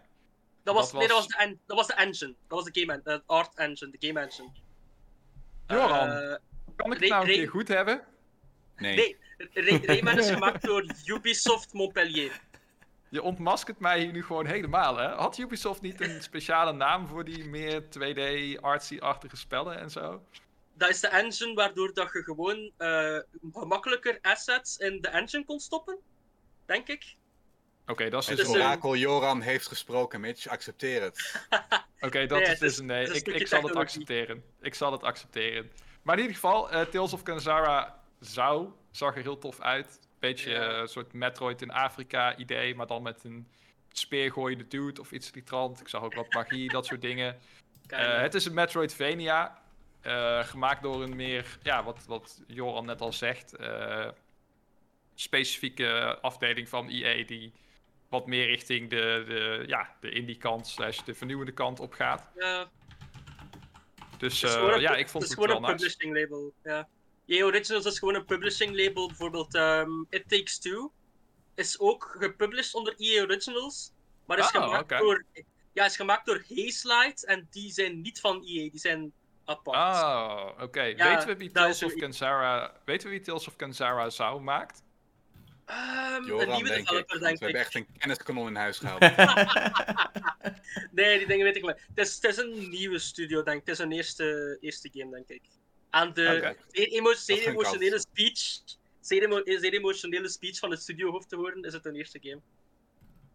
Want het is gemaakt voor Nice. de, zijn overleden vader. Oeh, ja. Ja. Ah, ja, dat was een zeer goede speech. Eh, maar mijn hoofd, hoogtepunt van, eh, de, met- ja, van de Game Awards van aankondigingen. Het was natuurlijk, zoals Mitch al zei, dun gezaaid voor Switch. Het is al een oud platform. Volgend jaar gaat het zijn achtste jaar in. Ja. Eh, de maar voor mij gaat dat dus- weten we eigenlijk allemaal. Ja, inderdaad, laatste been. Het, is, het gaat tussen die eh Metroidvania zijn van, eh, van de EA Originals en Visions of Mana. Ja, dat, Oh, was, ja. dat was ook die van mij. Ja. Visions of Ja. Die Wat- mana wat- zag er wel goed nice uit, ja. Ja, het, het verbaast mij dat hij niet naar Switch komt. Nou, Gewoon- Nou, heb je de, ja, heb je de hoe mooi die gezien? eruit zag. ja, ja oké. Maar het, het, het ding is, de Mana-serie is zo... is tegenwoordig Verbonden zo met Nintendo. verbonden met Ja, Nintendo dat ik eens. niet kan denken dat ze dat niet zouden designen voor Switch. Behalve als ze wisten op dat moment van de, van de pre-productie, Ja. van de productie, wat zijn de specificaties van de Switch 2. Het Ja. gaat naar Switch 2, Ja. 100%. Dat weet ik 100%. ik denk 100%. sowieso dat, dat een hoop dingen die je natuurlijk de afgelopen keer eh, gezien hebt, dat, die, eh, dat daarvan wel wat naar de Switch 2 Ja. zal gaan. En eh, Ja. het is alleen even afwachten tot Oh, oh, Oh, wacht, metafoor. Metafoor van Atlas zag er ook zo goed. Ja. Ja. Ja, die zag ook Ja. wel netjes uit, zeker, klopt. Ja. Nou, ik moet zeggen, dat Een is dat- soort van persona, maar dan fantasy, toch? Of zeg maar westerse fantasy. Het is een, ja, ja, een soort van, het is een eh, game Mix. gemaakt door, door het oude Persona-team. Mhm. Eh, dus het, dit, eh, door de director van eh, Persona 3, 4 en 5. En ook de comp- eh, componist van Persona 3, 4 en 5. Ja. Ehm, ja, en dit keer doen ze een meer eh, fantasy setting. Maar er zijn al dingen zoals social links en. Eh, hoe, hoe noemen ze dat? Zo passive skills. Dat je kon opbouwen, Mhm. zoals een persona. Dat die al gespot zijn in die trailer. Dus ja, het is eigenlijk persona, maar dan fantasy. Ja. En we hadden ook, eh, eh, speciaal voor de Robins eh, onder ons, Monster Hunter Wilds. Ah ja, want ze Ja. Ja. Nou, niet alleen voor de Robins de trouwens. Want Monster Hunter wordt wel steeds populairder. Ook in onze Discord eh, zijn er heel wat mensen actief Nice. aan het jagen de laatste tijd. Dus dat is, eh, dat Ik is echt leuk om te zien. Ik zie Ehm, eh, minimaal één keer per week een hunt. Maar wat ik wel had bij games als Monster Hunter, Wilds en eh eh, Metaphor, dat ik dacht van... Dit haalt grafisch niet bepaald het uiterste uit de kom van de nieuwe consoles. Dus dit zijn sowieso Switch 2 games. Het zou wel Zou kunnen. Al moet ik Dat zeggen dat natuurlijk, ehm, tenminste als ik kijk naar de Monster Hunter games, die zijn de laatste tijd best wel, ehm, tenminste het lijkt alsof ze een engine gebruiken die best wel wat makkelijk verstelbaar is, zeg maar. Waardoor ze dus Mhm. heel makkelijk Monster Hunter Rise ook naar PC, et cetera, konden laten komen. Ja, ik, za- ik zag heel veel mensen online klagen dat het er lelijk uitzag voor moderne consoles. Dacht ik meteen van, oh, dan zal het wel naar de Switch 2 komen. Ja. Eh, verder, wat ik ook heel grappig vond trouwens, eh, World of Goo 2. Ik weet niet of je, iemand van jullie Oh, World ja, of Goo ooit gespeeld heeft. Nooit Ehm, gespeeld, ik het wel. Het grappige is, het grappige is, ik ben eh, een half jaar geleden of zo ben ik naar Japan geweest. En daar kwam ik een vrouw tegen. Eh, en daar ben ik mee aan de praat geraakt. Het vertelde ik op een gegeven moment van ik eh, zit bij een game website, bla bla bla bla bla. Eh, dus vertelde zij, eh, nou mijn, eh, eh, ik weet niet wat het was, de eh, zoon of neefje of in ieder geval ja. iets in ieder geval dichtbij in de familie. Dat was de ontwikkelaar van World of Goo. En zij heeft toen al bij mij gespoild dat World of Goo 2 eh, zou komen. Ehm, ik heb ook op dat moment ik heb ook toen in Japan. Ja, ik kon er natuurlijk niet. eh vond ik een beetje lullig. Ehm, maar ik heb toen op dat moment wel al een mail gestuurd naar die man. Want die vrouw had dus ook zijn e-mailadres aan mij gegeven. Van, yo, eh, als je wil mag je wel een mailtje sturen. Maar daar heeft hij nooit op geantwoord. Dus ik denk dat hij er niet zo heel blij mee was dat zijn eh, tante een spoiler eh, had gegeven. hè. Dat snap ik. Dat snap ik. Dat geloof ik wel. Dat geloof ik wel. Maar het is dus wel Ja, heel dat grappig om nu te zien dat die game is aangekondigd. Want dat is echt Dat een is half wel, jaar eh, wel- geleden. Dat is wel een mooi flex, dit, Dreon. Ja, dat, dat was echt heel grappig. Gewoon hoe dat gesprek Ja. is gelopen. Dat zij op een gegeven moment zei: Oh ja, ja die eh, werkt aan die game. Ah. En eh, ja, hier heb je zijn e-mailadres. Oké. Insider knowledge, hè. Ja, dat is super grappig. Dat je dan Ja. iemand tegenkomt in Japan ook.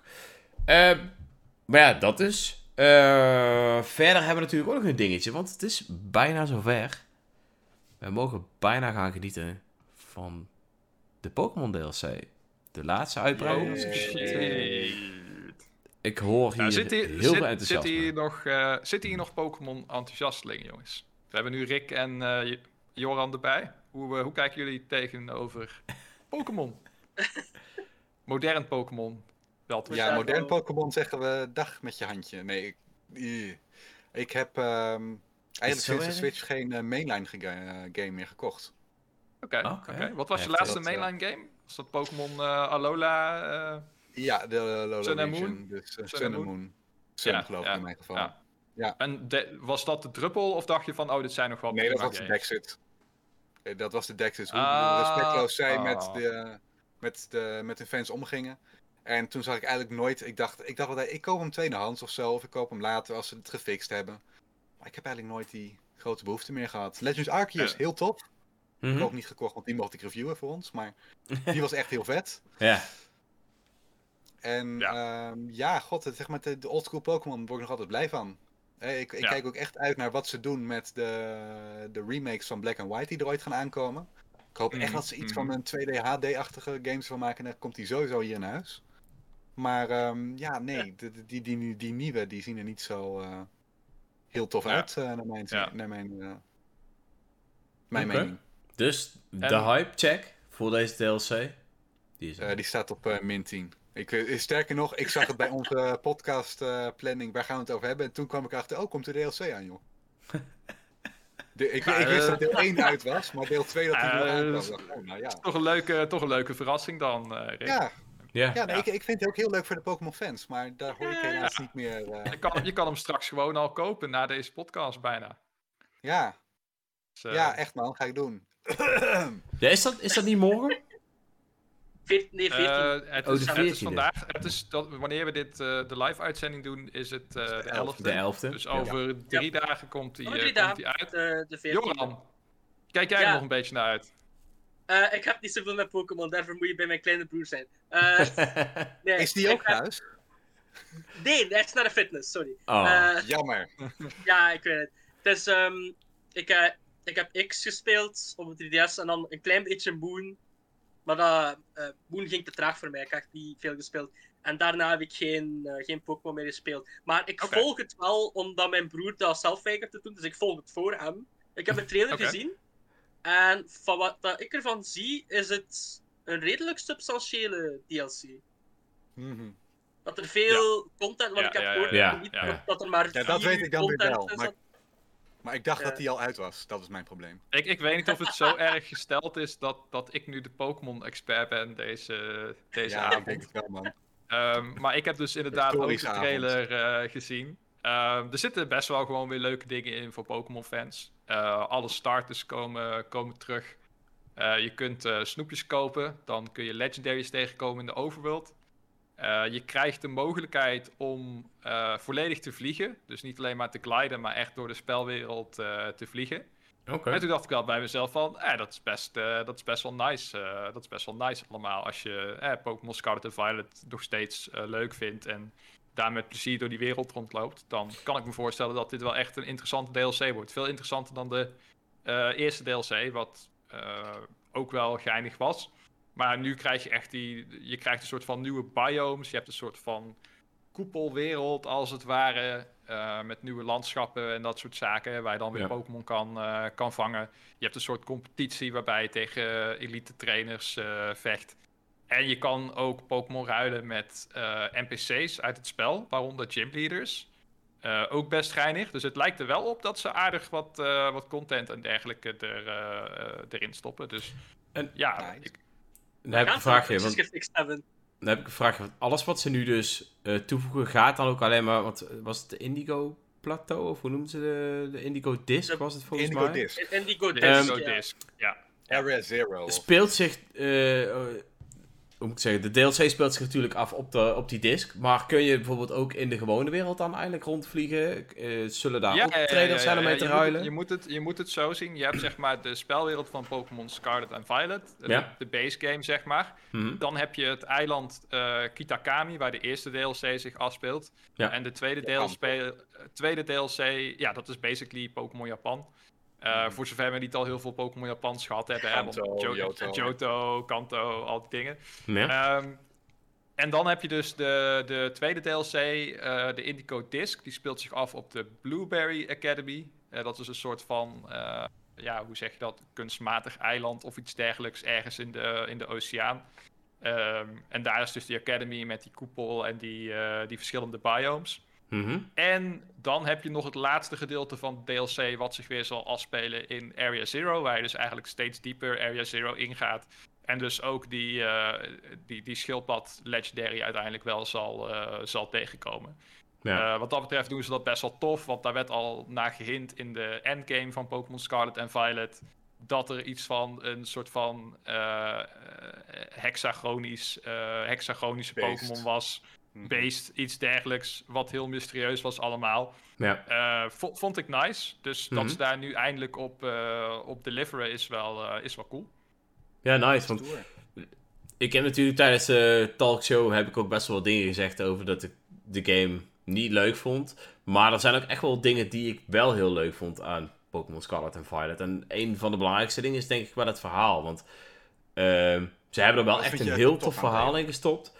Ehm, nou, ja, gewoon heel, heel het stuk, zeg maar, richting eh, dat je uiteindelijk bij Area Zero komt. En wanneer je daar eenmaal bent, ja, vind ik het wel gewoon heel tof gedaan. Het is een, een eh, moet ik zeggen? Ik, ik, denk, ik denk dat, ehm, dat ze dat wel op een hele leuke manier gepresenteerd hebben. En dat ze de, het mysterie van Area Zero eh, blijft eigenlijk een beetje... Het blijft gewoon één groot mysterie totdat je er dan uiteindelijk bent. En als je er uiteindelijk bent, delivert het ook wel. En je leert ook echt wel leuke dingen over... Oeh, dat is even geleden hoor, maar... eh, over die Denk jij even na, professor... ik krijg... eh, Ja, hier het was, ik, ik ben te gast hier in dit eh, thuiskantoor. Wordt, ik krijg van Bo even een vraag of ik iets wil afleveren. Ik ben No over een paar minuutjes terug. Vertel jij eventjes eh, wat er zo tof aan is, man. Ja, daar was ik mee bezig. maar Daar was ik mee bezig. Had gewoon weg kunnen sluipen, Rick. Had gewoon weg kunnen sluipen. Nice, nice. Nee, maar eh, om even aan te vullen, Ja. Rayon, eh, inderdaad, je had eh, zaken met die professor en die legendary en zo. En wat ik heel tof vond aan dat verhaal, zonder te spoilen, was ik dacht dat het een hele clichématige richting opging. En toen wist het mij toch te ver- verrassen met een toch wel redelijk, ja, toch best wel voor Pokémon begrippen vrij emotioneel eh, verhaal. En dat Ja. vond ik wel eh, heel nice. En daar moet je dan wel door het hoofdverhaal heen, wat niet heel bijzonder is. Maar zodra je richting Area Zero gaat, is het wel, eh, wordt het wel eindelijk een keer interessant voor Pokémon begrippen. Ja. En ook dat je daar dan rondloopt op een gegeven moment met meerdere personages die jou volgen tegelijkertijd. Oh ja. door van die soort van buitenaardse-achtige landschappen heen gaat. Dat gaf mij wel een klein beetje Xenoblade eh, vibes. En toen Ja. dacht ik wel van, oh, als ze daar nou eens wat meer Mee mee zouden deden. doen. Ja. Dus dat zou. eh, ik- ik heb goede hoop dat, dat dat misschien voor de volgende Pokémon-generatie. eh, misschien, wel een dingetje, misschien wel een dingetje kan gaan worden. Dat je meer van die Area Zero-achtige gebieden hebt.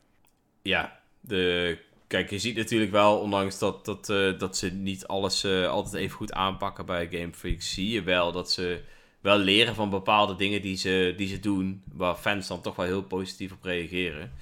Ehm, zoals bijvoorbeeld hè, die Wild Area, die nu uiteindelijk waarschijnlijk Ja. voor, wel voor een gedeelte tot Ja. deze game geleid heeft. Ehm, ja. wie weet eh, En- doen ze er wel iets en, en. In Ja. dat opzicht is het heel interessant om nog iets te noemen wat ik nog niet heb genoemd van de DLC. Wat ik zelf wel een hele verrassende feature vond. Ik weet niet of jullie dat hebben meegekregen. Maar je kan dus in de DLC kan je dus daadwerkelijk een Pokémon worden en besturen. Via een eh, bepaalde device. En Oh, dat nee, vind dat ik wel ik heel niet. tof. Dat Ja. vind ik wel heel tof. Ik weet niet precies hoe het werkt. Je Mhm. bent dan een Pokémon en volgens mij kan je dan ook gevechten doen vanuit die, eh, vanuit die Pokémon en XP verzamelen en dergelijke. Eh, en je kan dat dan tijdelijk worden via een soort van device. En dan kan je dus, volgens mij, ik denk misschien een beperkte radius of zo, door die spelwereld eh, heen lopen als Pokémon. En dat vind ik dan wel weer dat ik denk van, oh, dat is wel echt eh, tof bedacht. Ja, Dus nou, misschien, en misschien ook, wel, misschien ook wel een proof of concept voor een toekomstige game of een gedeelte in een toekomstige game waarin ze dat weer verder gaan, gaan uitwerken. Ja, nice. Jongens, Ik, eh, wat ben ik positief over Pokémon vandaag. En dat halen wij gewoon allemaal uit, jou, Ja, hè? Niet normaal. Ja, ik, ehm, ik ben heel benieuwd. Ik, ben, eh, ik, ik denk niet dat ik zelf de DLC eh, zal spelen, maar ik ben wel heel benieuwd hoe die ontvangen wordt. En mochten er daar echt hele toffe verhalen uitkomen, dan eh, kan ik hem misschien nog wel aanschaffen, want ik heb de base game toch. Ik, eh, ik ben voornamelijk heel benieuwd waar, ja, waar het heen gaat en wat eh, de echte fans er natuurlijk van vinden. Ik, eh, ik carry jullie vandaag gewoon als een Rhyhorn qua pokerkennis op mijn rug. En ik loop gewoon zo door die podcast heen. Hup. Doe je goed, man. Ik ben trots Ja, op je. graag, graag gedaan. Vind je ook een beetje op een Rhyhorn lijken?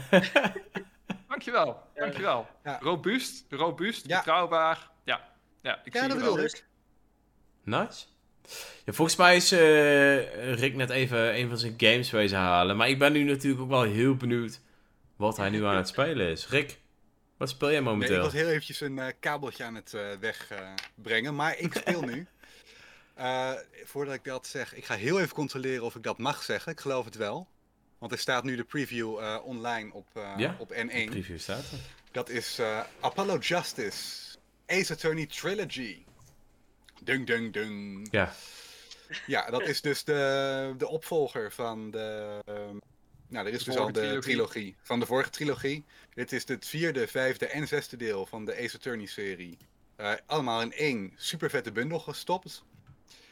En die komt eh, 24 januari uit voor de Nintendo Switch. Maar eh, ze waren er vroeg bij. Eh, we mochten hem al eh, de preview eh, bekijken en eh, nu bezig met eh, de review. ja? Right. En heb je de. Ja. eh, originele ook gespeeld? De alle originele games? Ik zeg maar heb, de 4, ehm, 5 en 6. Nee, nee, nee. Ik ben pas echt ingestapt eh, dit jaar. Hè, toen ben ik met de, Ah, de zeg maar die Oh. vorige collectie. Die heb ik eh, toen gekocht, want ik wilde die laatste Profes- Professor Layton game. Hè, dat was die crossover met eh, Ace Attorney. Ja, die ja, wilde ja. ik veilig stellen voordat de e-shop dichtging. En toen dacht ik, nou Ja. god, weet je, ik ga toch ook eerst die Ace Attorney games spelen. Want dan, hè, dan, dan heb je, haal je het meeste uit die crossover. Dus toen ben ik ingestapt en ja, ergens baalde ik in eerste instantie. Want deel 4, eh, die zou nog wel te vinden zijn in het westen. Maar deel 5 en 6 waren echt alleen digitaal uitgekomen hier. Ja, En klopt. ja, die, die, die 3DS e-shop bestaat nu niet meer. In ieder geval niet als je nieuwe spellen wil kopen. Dus eh, ja, die, die leek ik eh, niet meer legaal te kunnen krijgen. In ieder geval niet op Switch. Maar daar kwam toen de mooie aankondiging dat er een tweede trilogie komt.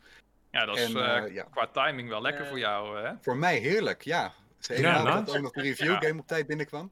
Ja.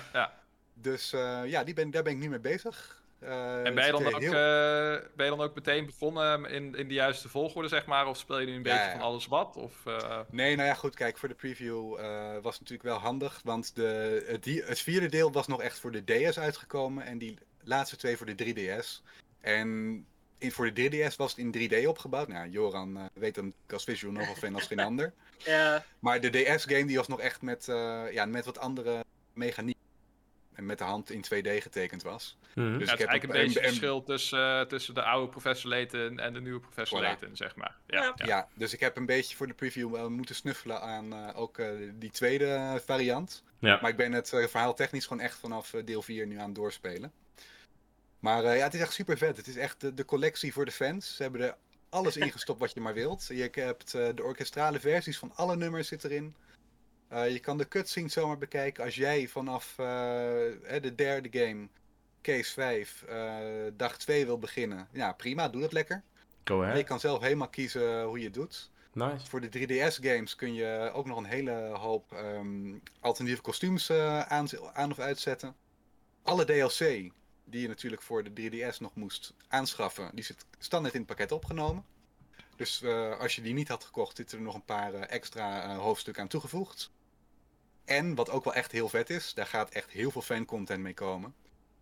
Je hebt nu een animation studio. Waarin je dus zelf ja, zeg maar alle animaties van alle figuren zitten daarin. En je kan dus zelf een soort van verhaal daarmee gaan editen. Dus eh, Nice. ja, daar heb ik zelf nog niet heel erg veel mee ge- geprobeerd. Want ja, eh, er stond een eh, deadline voor die pre- preview. En dan moest je toch wel een beetje weten waar je het over had. Ja. Maar ik heb heel even gekeken. Het ziet er wel echt heel... ja, gewoon heel, je kan echt heel veel mee lijkt het. Het is gewoon echt...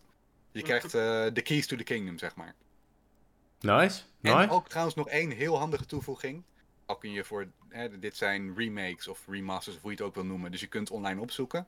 Maar als je nu vast komt te zitten in het spel, eh, aan al die drie spellen is toegevoegd de story mode. Die je ook uit The Great Ace Attorney kent. Dus Ja. als jij echt de Ace Attorney logica, en die is soms best wel een beetje vreemd. Of de- net niet helemaal eh, logisch als jij het logisch vindt. Ja, het is eigenlijk jij, gewoon eh, autoplay.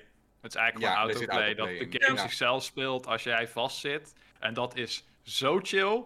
Je wilt echt Ja. niet meer zonder. Je wilt echt niet meer zonder. Het komt altijd wel een moment dat je denkt van... Ik snap echt Fuck niet wat it. de game nu van mij Nou, verwacht. ik heb hem dus al één keer moeten gebruiken, ja. Oké. En Inderdaad. in het, in het verleden moest je dan op En internet het- een ja. FAQ opzoeken of naar YouTube. En nu kan je dus gewoon de game zeggen... Hey, speel even voor 30 seconden Ja. jezelf en dan kan ik weer verder. Nice. Ja, en vooral, het- en die oplossingen denk je ook van, maar dat bedoelde ik met mijn eerste antwoord. En dat is dan net, eh, Ja. Ja, Ja. Ja, soms, Dus soms, loop je voor, soms loop je voor op de Ja. logica van de game. Sla je net een stap over in ja, het precies gedachteproces. dat. Ja. Ja. En ja, dat gebeurt gewoon. Dat gebeurt iedere Ace Attorney speler minstens wel een paar keer per, eh, per playthrough. Ja, dus dat is misschien eh, wel de beste toevoeging die ze Nice. erin hebben opnieuw Is een uitstekende toevoeging. Ja, uitstekend. Klinkt, eh, klinkt allemaal heel tof. Ja. Ik ben eh, benieuwd wat eh, uiteindelijk je consensus zal zijn eh, van deze game. Man. Ja. Nice. Ja, nee, dit is natuurlijk allemaal technisch wat ik nu, eh, waar ik nog iets over kan zeggen. Want de inhoud is, eh, daar zit ik nog echt veel te vroeg in. eh Ja. één van drie. Nee, snap ik. Nice. Lekker doorspelen. Ja. Maar ik heb een mooie kerstvakantie eh, voor de boeg. Nice, nice. Mitch ook. Nice, nice. Ik heb ook een mooie kerstvakantie voor de boeg, ja. Ik ben namelijk bezig met de meest christelijke game van allemaal. Doom Eternal. Woe! Halleluja. Als er iets is wat vrede op aarde uitstraalt, dan is het wel het onthoofden van een demon met een kettingzaag, terwijl je net iemand anders de grond in hebt getrapt. Ja, maar die demon kan dan niet hier rotzooi komen trappen. Dus het is heel vredig, Mitch. Ja, maar in Doom Eternal is dat al te laat. De aarde is overgenomen door demonen. Eh, er zijn portalen op Mars, whatever. Er zijn van die gekke priesters die dat allemaal in stand houden. Waardoor eh, ja, die demonische invasie eigenlijk kan, eh, kan plaatsvinden. En jij moet daar dus als de Slayer een einde aan maken. En dat doe je vooral door heel weinig vragen te stellen en heel veel actie te ondernemen. Eh, en het vette aan Doom Eternal vind ik dat één, de Switch-conversie is echt heel goed. Echt super goed gedaan. Het is ongelooflijk dat dit zo eh, soepel draait op Switch. Ze hebben het wel naar 30 fps moeten brengen, wat natuurlijk eh, logisch is. op de Begrijpelijk. Switch. Ja. Maar veel visuele effecten zijn nog steeds gewoon intact. En je herkent het gewoon duidelijk als Doom Eternal. Is dat En een dat van is die impossible ports?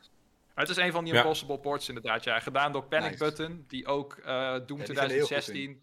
Die zijn er heel goed in. Eh, Doom 2016 eh, en de Wolfenstein games hebben ze ook eh, gedaan. Het zijn eigenlijk allemaal PlayStation 4 eh, games qua grafische kracht. Dus dat ze dan op de Switch draaien, dan krijg je dikke props. Ehm, en, maar het vet aan Doom Eternal is, in heel veel shooters ga je schieten, schuilen zodat je held weer terugkomt en dan ga je weer schieten. Dus het is heel erg stop en start.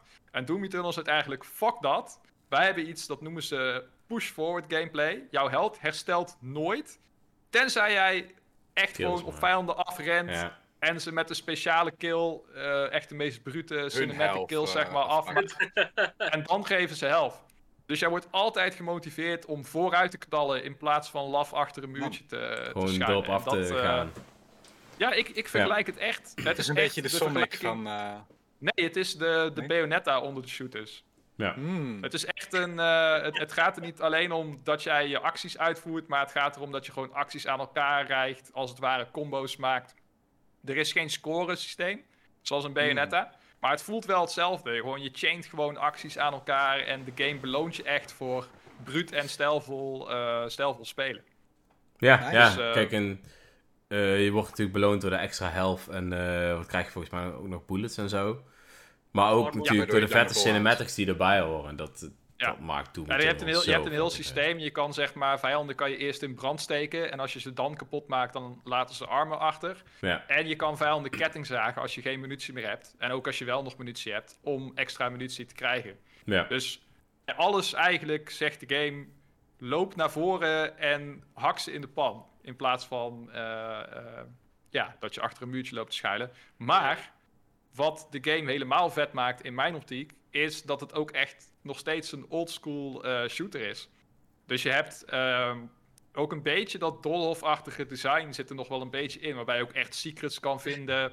ja. Je hebt een double, je hebt een double jump, je hebt een air dash. Het zijn dingen waarvan ik denk van... Als Metroid Prime hier eens goed naar kijkt qua movement... dan zou ik dat helemaal niet erg vinden. Ik zou het helemaal niet erg vinden om een double air dash te hebben in Metroid Prime 4... waarmee je nog sneller door de lucht kan eh, verplaatsen. 100%. Ja, ik ook geloof dat er nog een Metroid Prime 4 komt. 100% die komt. Zolang I still believe, I still believe, I still believe. Maar ik zeg je één ding, Rick. eh, en voor iedereen die nu wacht op Metroid Prime 4 en Doom Eternal nog niet gespeeld heeft. Doom Eternal komt het dichtste bij Metroid Prime. Behalve Metroid Prime kan je niks beter spelen. Wat, wat dicht in de buurt van Metroid Prime komt. Maar had je de originele Doom wel gespeeld, eh, Mitch? Ik heb ooit de demo gespeeld van eh, Doom 2016. Op de PlayStation 4 was dat volgens mij. En eh, toen wisten we dat niet heel erg te pakken. Misschien was de demo gewoon matig. Misschien eh, was ik niet in de juiste mood. Maar Eternal vind ik wel, eh, vind ik wel heel vet. Dikke aanrader. Ik heb hem voor een tientje gehaald in de Black Friday eh, sale. Kijk, Dus eh, ja, ook de Nederlander dan in haal mij je is sowieso weer... je, eh, je geld eruit. Ja, volgens mij is ook- nu de game ook nog steeds in sale. Ik weet niet meer wat ze te vieren hebben, maar eh, volgens mij was die nog in sale. 1 en Eternal, dus het zijn allebei vette games. Ja, zou kunnen. Het zijn, eh, het zijn vette games inderdaad, ja. Dus daar ben ik nog mee bezig. En ehm, voor de rest heb ik een eh, Nintendo DSi gekocht. eh, van Marktplaats afgehaald. Nice. Ik had, eh, ik had nog? opeens de gedachte van... Ik heb verdomme zin om een Nintendo DSi XL te halen. Want die heb ik nooit gehad. En ik heb ook al heel lang geen DS-games meer eh, eh, gespeeld. Dus ik voelde toch een beetje die nostalgische itch. Mhm. En eh, ja, toen vond ik eh, gelukkig een hele mooie DSi XL op Marktplaats voor eh 50 euro. Het enige nadeel is dat hij een UK-oplader heeft. Maar eh, ik heb net zo'n stekkertje gehaald. Ja, dan, eh Ja. Niks dan werkt het allemaal prima. Precies. Dus eh, Nice. ik moet nog even kijken wat ik daarop eh, ga spelen. Eh, wat bovenaan mijn lijstje staat, is denk ik een replay van ehm eh, Mario Luigi Bowser's Inside Story. Ja. Omdat dat eh, in mijn herinnering echt gewoon samen met The Thousand Year Door eh, Paper Mario is dat de, de fa- mijn favorite eh, Mario RPG. En ehm, ja, zin in. Zin om die weer te spelen. Echt gewoon op originele hardware. En ga je dit nog allemaal fixen voordat je in de kerstvakantie gaat beginnen aan Persona 5 Royal? Oh, dat, dat weet ik nog niet, man. Ik, eh, het was wel het plan. Ah, Het was, wel het, het was wel het plan om in de kerstvakantie te gaan beginnen aan Persona 5 Royal. Maar als het een beetje mee zit, heb ik ook vrij snel daarna een nieuwe baan. Dus dan zal ik daar waarschijnlijk toch minder tijd voor hebben. Oh, Ja, en damn, ook mezelf vooral daarop moeten focussen. Dus ik ben bang, Dreon, dat ik hem toch weer toch, toch een beetje ga uitstellen. Oh, Pijnlijk. Mitch, je hebt, Mitch, je hebt geen tijd om 100 uur te steken in Persona 5 Royal. Kom op, man. Ja. Het is wel echt serieus, Mitch. Ik weet zeker dat jij die game echt zo fucking vet gaat Ja, je gaat hem tof vinden. Althans, ik heb de Royal Ja, nooit 100 gedaan, want ik had hem op, eh, 100%. Ja, op PlayStation eh, normaal gedaan. En daar was ik toen iets van drie, vier maanden mee bezig. Dus eh Ik ga hem heel tof vinden. Ik ga hem heel tof vinden. En dat is ook precies de reden waarom ik er niet aan begin als ik net een nieuwe baan heb. Snap ik, snap ik. Ja, Royal was voor dus, mij eh, 158 uur volgens mij. Dus, eh, en daar heb ik ook Anders heel lang je over gedaan. krijg je weer ja, snel een nieuwe baan. eh, Ja, heb je zo weer een nieuwe baan nodig. ja, Persona... Plot twist, Persona 5 Royal is een nieuwe baan. Started. hey, maar Ja, eh, ik heb al gemeld bij het café en het short en zo. En, eh, nou ja, nee. Vertel Joran, wat ben jij aan het Ja, spelen? wat ben jij aan het spelen, Johan? Ah, ik ben proberen, op, op het moment ben ik mijn backlog proberen aan het eh, verminderen. Oh, dat is altijd op Ja. proberen. dat is een leuke Proberen. uitdaging. Kijk, maat, ik ben, ik ben verzamelaar, ik heb zoveel games dat ik wil spelen. En ik heb een hele race van mijn PS3-spellen die ik goedkoop heb gekocht van de Game Mania. Met de 5 voor 20 of de 4 voor 20 deal. Het zijn er te veel. Maar nee, ik heb onlangs eh, de Klonoa Fantasy Reverie series uitgespeeld. En ik plan nu om Nier Automata verder te spelen. Oeh, die is Ja. Nice, nice. Ja, heb, heb ik, heb ik gehoord dat die episch is, ja. Ja, ja, Eh, ja, en ja. al- altijd keer zonder smeltende Switch. Zonder smeltende Switch. Ja. Maar Ja, sorry, ga verder. ik- Ja? Ik, ik, moet, ik moet nog zoveel. Ik moet zelfs nog Metroid Prime Remastered en Tears of the Kingdom nog eh, veel verder spelen. Heb je originele Metroid Prime wel gespeeld? Ah, i- nogmaals, ik ben van 2001. Ik, Ja, ik, ik eh, ben voor de kan. 2001. Hij is net zo oud als de game. Ja, ja, basically. Ik ben bijna net zo oud als de game. Ja, maar nee, ik heb een. ehm, ik, heb game, ik heb Metroid Prime ooit gekocht op de Gamecube, maar ik weet niet. eh hij, hij, hij Ik- gripte mij niet zo goed. Nee, snap Oh, dan ik. moet je, dat remastered, dan moet je remastered, Ja. dan moet je remastered zeker wel. spelen. Dan moet Ik, je ik, zeker ik, verder heb, ik, spelen. ik heb remastered, maar ja, dat, dat, dat, heb ik al, dat heb ik al gehoord. Het is een beetje. Ik vind Metroid goed, waarom vind ik Metroid Prime die is, die is zo Nou ja, er zijn twee dingen die Remastered beter doet dan het origineel. Als eerste natuurlijk de graphics, dat is logisch allemaal. Ja. Maar ook de besturing. De besturing van het origineel is heel erg wennen als jij Ja. net van andere eh, Ja, first-person games afkomt. En in deze game kun je hem gewoon lekker op twin-stick control zetten. Kun je lekker de camera... motion controls. eh, of Ja. motion controls, wat je wil. Kun je lekker de camera bewegen met de tweede stick of de motion controller. Kun je veel makkelijker Ja. om je heen kijken. Ja, in de Gamecube-versie moet je R indrukken en dan heel clunky met de stick zo Oh, langzaam Tell me, tell me about it. Tell me Ja. about it. Dus eh, lekker die eh, remaster een keer spelen. Ja, inderdaad. Ik kan nog zoveel spellen te spelen. Ik denk dat Demon X Machina ook nog in mijn, in mijn backlog zit voor Switch. Nice. Dus Nog heel Jij veel hoeft je games niet te vervelen in ieder geval eh, deze, deze kerstvakantie. eh, ja, nee, inderdaad. En altijd om mij te ontspannen een potje Muse Dash. Een ritmespel op eh, mijn laptop. Oké, Oké. Kijk, nice, nice. de keuze is reuze. Ik, eh, En jij, Dreon? Ik ben zelf ook echt weer zoveel games aan het spelen. Eh, ik begin even bij nummertje 1. En dat is eh, Core Keeper. Die game is toevallig pas geleden, volgens mij tijdens de indie-presentatie, aangekondigd voor Nintendo Switch. Eh, het is een multiplayer game die je een beetje kunt vergelijken met de eh, als eh, een mix van Stardew Valley, Minecraft en noem even een andere dungeon delving game. Ik weet het zo vlug niet. Een ma- ma- management-achtige game dus. Ja, ja, ja. Ja Survival, sandbox, eh, Zoiets, ja. gewa- gewassen verbouwen, dingen Ja. mijnen. Juist, juist. En de hele tijd net iets betere spullen krijgen, waardoor je een stukje verder komt. Ehm, ik heb die een van game... die dingen waar mijn vriendin dol op is. Nou, het grappige is dus, ik, ik dacht eerst van, oké, dit gaat meer Stardew Valley-achtig worden. Ik zag wat leuke eh, gameplay toen nog in Early Access. Ik heb die game gekocht, half uurtje gespeeld, uurtje. En toen vond ik het eigenlijk wel prima. Ik dacht van, oké, ik wacht tot de game eh, een 1.0 versie krijgt, zeg maar. Eh, maar toen waren ik en mijn vrienden pas geleden, eh, zaten we in Discord en was van, oké, welke game gaan we spelen? En toen zei ik, ja, want we hebben alle grote multiplayer games al gespeeld. Hè? Seven Days to Die, Outlast Trials, noem maar allemaal op. Ark, allemaal van die soort games hadden we allemaal al gespeeld. We wisten niet wat we moesten doen. Ik zei, ja jongens, ik heb Core Keeper nog op mijn PC staan. Ik zie dat hij nu in de aanbieding is. Zullen we het eens proberen? En iedereen, de meesten hadden zoiets van, ah, ik weet niet het mijn game is. Ik zei, ja, het hoeft niet. Zeg maar. Toen, oké, oké, laten we proberen. En iedereen is nu helemaal verkocht aan die game. Het is veel groter dan we hadden verwacht. Die kaart is echt immens groot. Ehm, je blijft maar dingen ontdekken. Je, op een gegeven moment ga je natuurlijk een fort bouwen, wat natuurlijk allemaal geautomatiseerd wordt. Noem het maar op, je maakt er iets heel moois van. Ehm, en het is gewoon heel leuk. We zijn er echt, eh, ja, we zijn er gewoon helemaal dol op. Ehm, de game verschijnt uit mijn hoofd 26 januari. Ik weet het niet zeker, maar in ieder geval ehm, ergens in januari komt de game ook voor de Nintendo Switch. Je kunt met 8 man online.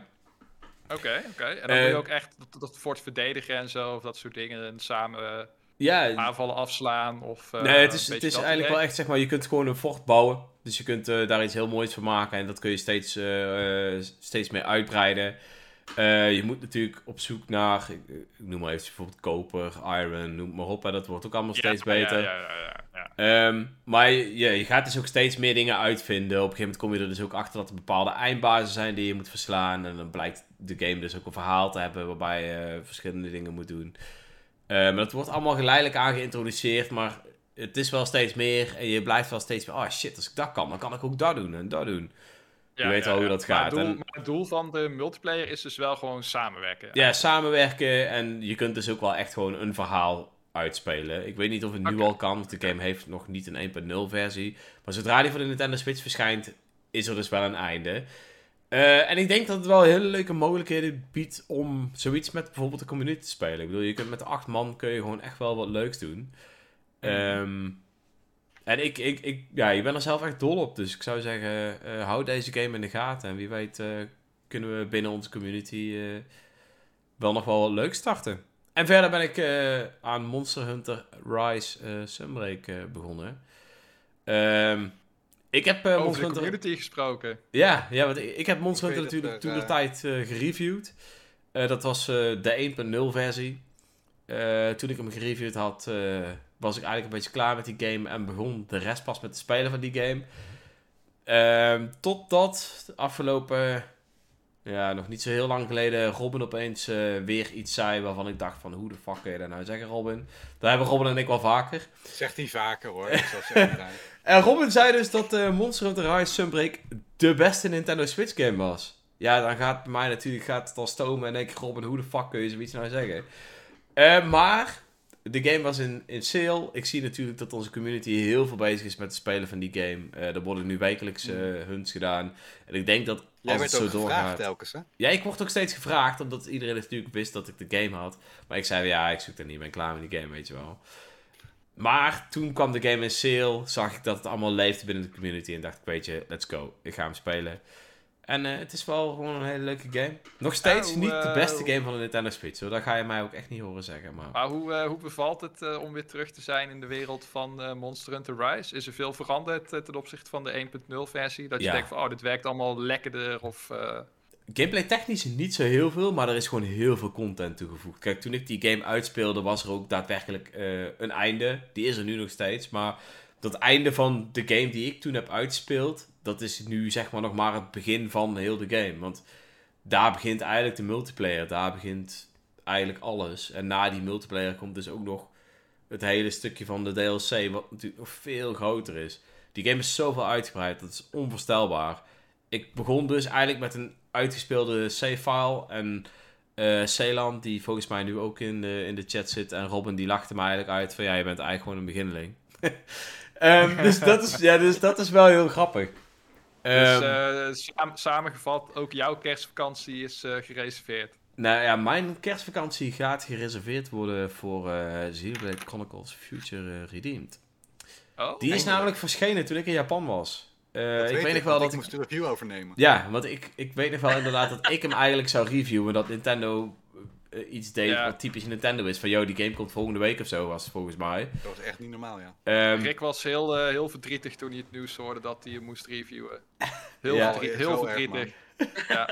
Ja, ik weet nog wel dat ik volgens mij net uit het vliegtuig kwam en dat zag en ik dacht, kut, sorry. En toen stuurde ik maar een bericht van, jongens, ik kan het niet doen.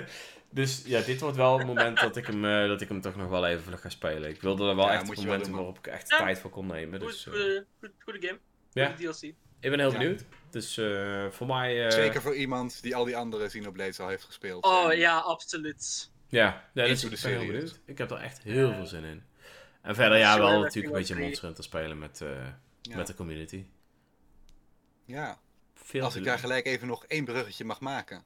Maak hem. Zeker. Ja, want eh Xenoblade Future eh, Redeemed dingt ook mee voor de DLC of the Year. Voor onze eigen N1UP Game of the Year verkiezing. Waar we natuurlijk... Wow, wow, wow, wow. Jazeker. Al onze luisteraars, al onze kijkers, al onze lezers. Als je ook maar enigszins bij de N1UP community hoort. Nodigen we iedereen uit om mee te stemmen voor wat nou echt de tofste game van dit jaar was. Dan moet je even gaan naar N1UP. Dus N1UP. Mag aan elkaar, mag met een streepje ertussen. We hebben allebei de domein, heb ik geleerd eh, bij de live show. 100 Vind je bovenaan de site. Vind jij een linkje waar jij kunt eh, meestemmen naar de, de grote enquête? En dan willen we even weten wa- wat volgens jou nou echt de tofste game van 2023 was. Maken we zoals elk jaar bekend op 31 december. Dan sluiten we het eh, jaar af met de knaller. En dan weten we welke game door de tofste Nintendo community van de Benelux. En dat is nu echt Benelux, want we hebben Joran erbij zitten. Wow! Hey. Juist nog Wat wij Luxemburg. nou de tofste Nintendo game vinden. Of Ja, Nintendo En- Switch game. Hij hoeft niet van Nintendo te zijn. En om dit mooie verhaal nog even aan te vullen, eh, de komende tijd publiceren we ook per redacteur een eh, nominatie voor wat wij denken van, hey, deze game die heeft eh, recht op, op Game, van, Op game of the. Year, of die, die zou wel eens Game of the Year kunnen worden. Ja. Dat doen wij ter inspiratie, maar jullie als community bepalen dus Bepalen uiteindelijk met echt. jullie stem wat 100%. de N1UP Game of the Year 2023 wordt. Eh, dus doe vooral lekker mee, zou ik zeggen, in de feestvreugde. Want het is ook een viering van het gamejaar 2023. En ja, zeker, er zijn ook ontslagen gevallen. En dat is heel erg. Maar we kijken ook altijd een beetje van de positieve... We kijken het ook altijd een beetje van de positieve kant bij N1. Want we houden uiteindelijk allemaal van, eh, van videogames. En objectief moeten we gewoon stellen dat er echt fantastisch veel goede videogames eh, uitgekomen zijn. Ja. En eh, ja, we willen ook eh, uiteraard gewoon alle developers en uitgevers en dergelijke, ja, met dat, hun, dat met hun vieren. En met jullie als community. En misschien voor jullie nog wel veel leuker, want ik zie toch wel dat daar elk jaar ook altijd weer heel veel moeite in eh, gestoken wordt. Ja, zeker. Je krijgt namelijk ook de kans om te zeggen: Te Ik ben het niet eens met een bepaalde review. En mocht je een van ons flink goed door het slijk halen, zoals tot nu toe nog elk jaar met mij gebeurd is, Ja. dan komt hij ook gewoon lekker op de website te staan. Dus neem deze kans, haal mij, Mitch, Rick, misschien Johan binnenkort wel even vlug. Haal ons door het slijk, zeg. Die review van jou, die klopt er gewoon voor geen meter, want dit en dit en dit en dit. Dan is dit je kans. Doe het gewoon. Ja. Ik eh, weet Ja. niet of No Man's Sky dit jaar is uitgekomen. Ik weet het niet zeker. Maar ik voel Ja, wel aan dat jaar, ik. Oh, jammer. was vorig jaar. Mij Normaal, keihard door... eh, Oh, ik denk trouwens dat Daan mij toen al door het slijk gesle- gesleept normaal, over die game. normaal, normaal gesproken eh, censureren wij op Noord-Koreaanse wijze altijd alle comments die negatief zijn. Maar één, één keer in december. Eén moment in het jaar mag jij het met ons Dan oneens strijken zijn. wij de hand over ons hart. En En dan publiceren we, en dan publiceren we het nog op de website ook. Dus eh, Ja. mocht je het met ons oneens zijn, Ja, laat het, het dan ook het vooral enige, even weten het enige wat we in de aanpassen enquête. zijn een paar spelfouten soms. Maar eh, Ja. eh, voor de leesvaardigheid. Maar jouw kernboodschap, als jij ons helemaal affakkelt, dat mag gewoon. ja, Bam. dus neem deze En kans. jij- Haal mij door het slijk. Go ahead. Dit is toch altijd Ja. wel weer... Ik vind het zelf ook Dreon- altijd super grappig om Dreon- terug te lezen. Kan, hij kan het, hij kan het hebben, Dreon. Ja, Hij ik vind het altijd leuk om terug te lezen. Hij wil gewoon de hat-trick drie jaar op rij. Ja, 100%. Dat hij de, de titel pakt. Ik heb denk ik Ja, wel ja, twee jaar op een rij echt wel eh de meeste gezeik over voor welke games waren dat, Dreon? Eh, no, Man's Sky. Want nu ik daaraan denk, inderdaad, dat heeft Daan vorig jaar gedaan bij mij. Ehm Oeh, Mink heeft mij ook nog een keer... eh, ik denk dat dat Metroid Dread was. Ehm een van mijn dingen, een van mijn negatieve punten was volgens mij dat eh, eh, heel veel geheimen wel echt heel geheim zijn in Metroid Dread. Zeg maar dat je gewoon ieder, ieder bolletje moet je dan weer tegenaan schieten en hoop dat het open gaat of zo. En ik dacht van ja, dat gaat mij voor te ver. Eh, Mink was het daar niet mee eens. En dat was volgens mij nog voordat hij zijn comeback bij de redactie heeft gemaakt. Ik vind het Ehm. wel een mooi argument. De geheimen zijn te geheim. Ja, te geheim. Dat kan ook, hè? Dat is gewoon niet leuk meer. Ehm, ik, er zijn nog wel meer dingen. Volgens mij ben ik met meerdere games eh door het slijk gehaald. Dat is grappig. Dus eh, ja, mocht je daar zin in hebben, go ahead. Dit is je moment. Ja, en ook natuurlijk leuk als jij iets positiever wil zijn en je zegt: Oh, ik vond Mario Wo- Wonder echt super tof. Ik vond Tears of the Kingdom super tof. Ik vond een van die andere games super tof. Als jij wil on- wilt onderbouwen waarom dat is, zien we ook vaak dat veel mensen uit de community er echt ook eh, flink voor in de pen klimmen. Ja. Als jij een tof onderbouwing maakt, komt ook op de site in dit grote overzichtsartikel. Het moet echt de, de celebration of gaming van onze community worden. Ja, ja En dan zonder dat- commerciële shit, want wij, eh, wij krijgen geen sponsoren. Nou, we hadden eigenlijk je eh, dit jaar eh, volgens mij drie uur op de 30 planning, toch? schrijftijd. ja, Volgens mij hadden we nee, dit nee, jaar... ons- daar- Sorry, zeg maar. Bij, bij ons krijg je meer dan 30 seconds of fame. Ja, ja 100%. Sowieso. Eh, het zal in totaal wel een drie uur vullend programma zijn. Met misschien wat reclames, maar eh, wie weet. Ehm, ja dus, Ik eh, wil, stem vooral. ja, ik wil in ieder geval eh, graag eh, bedanken voor het eh, luisteren en voor het kijken. Vergeet niet te stemmen op de Game of the Year. Rick doet elk jaar super hard zijn best om het te fixen. Dus ook dit jaar gaat het weer helemaal goed komen. Eh, ik wil speciaal Joran even bedanken voor eh, de eerste keer aanwezig zijn bij deze podcast. Altijd spannend. Leuk dat je daarbij bent. En, eh, Kijk, staande ovatie. ja, en bij deze natuurlijk ook eh, jullie bedankt voor het aanwezig zijn. En iedereen, alle kijkers en luisteraars. En ik zou zeggen, tot de volgende keer. Later! Later! Later! Later.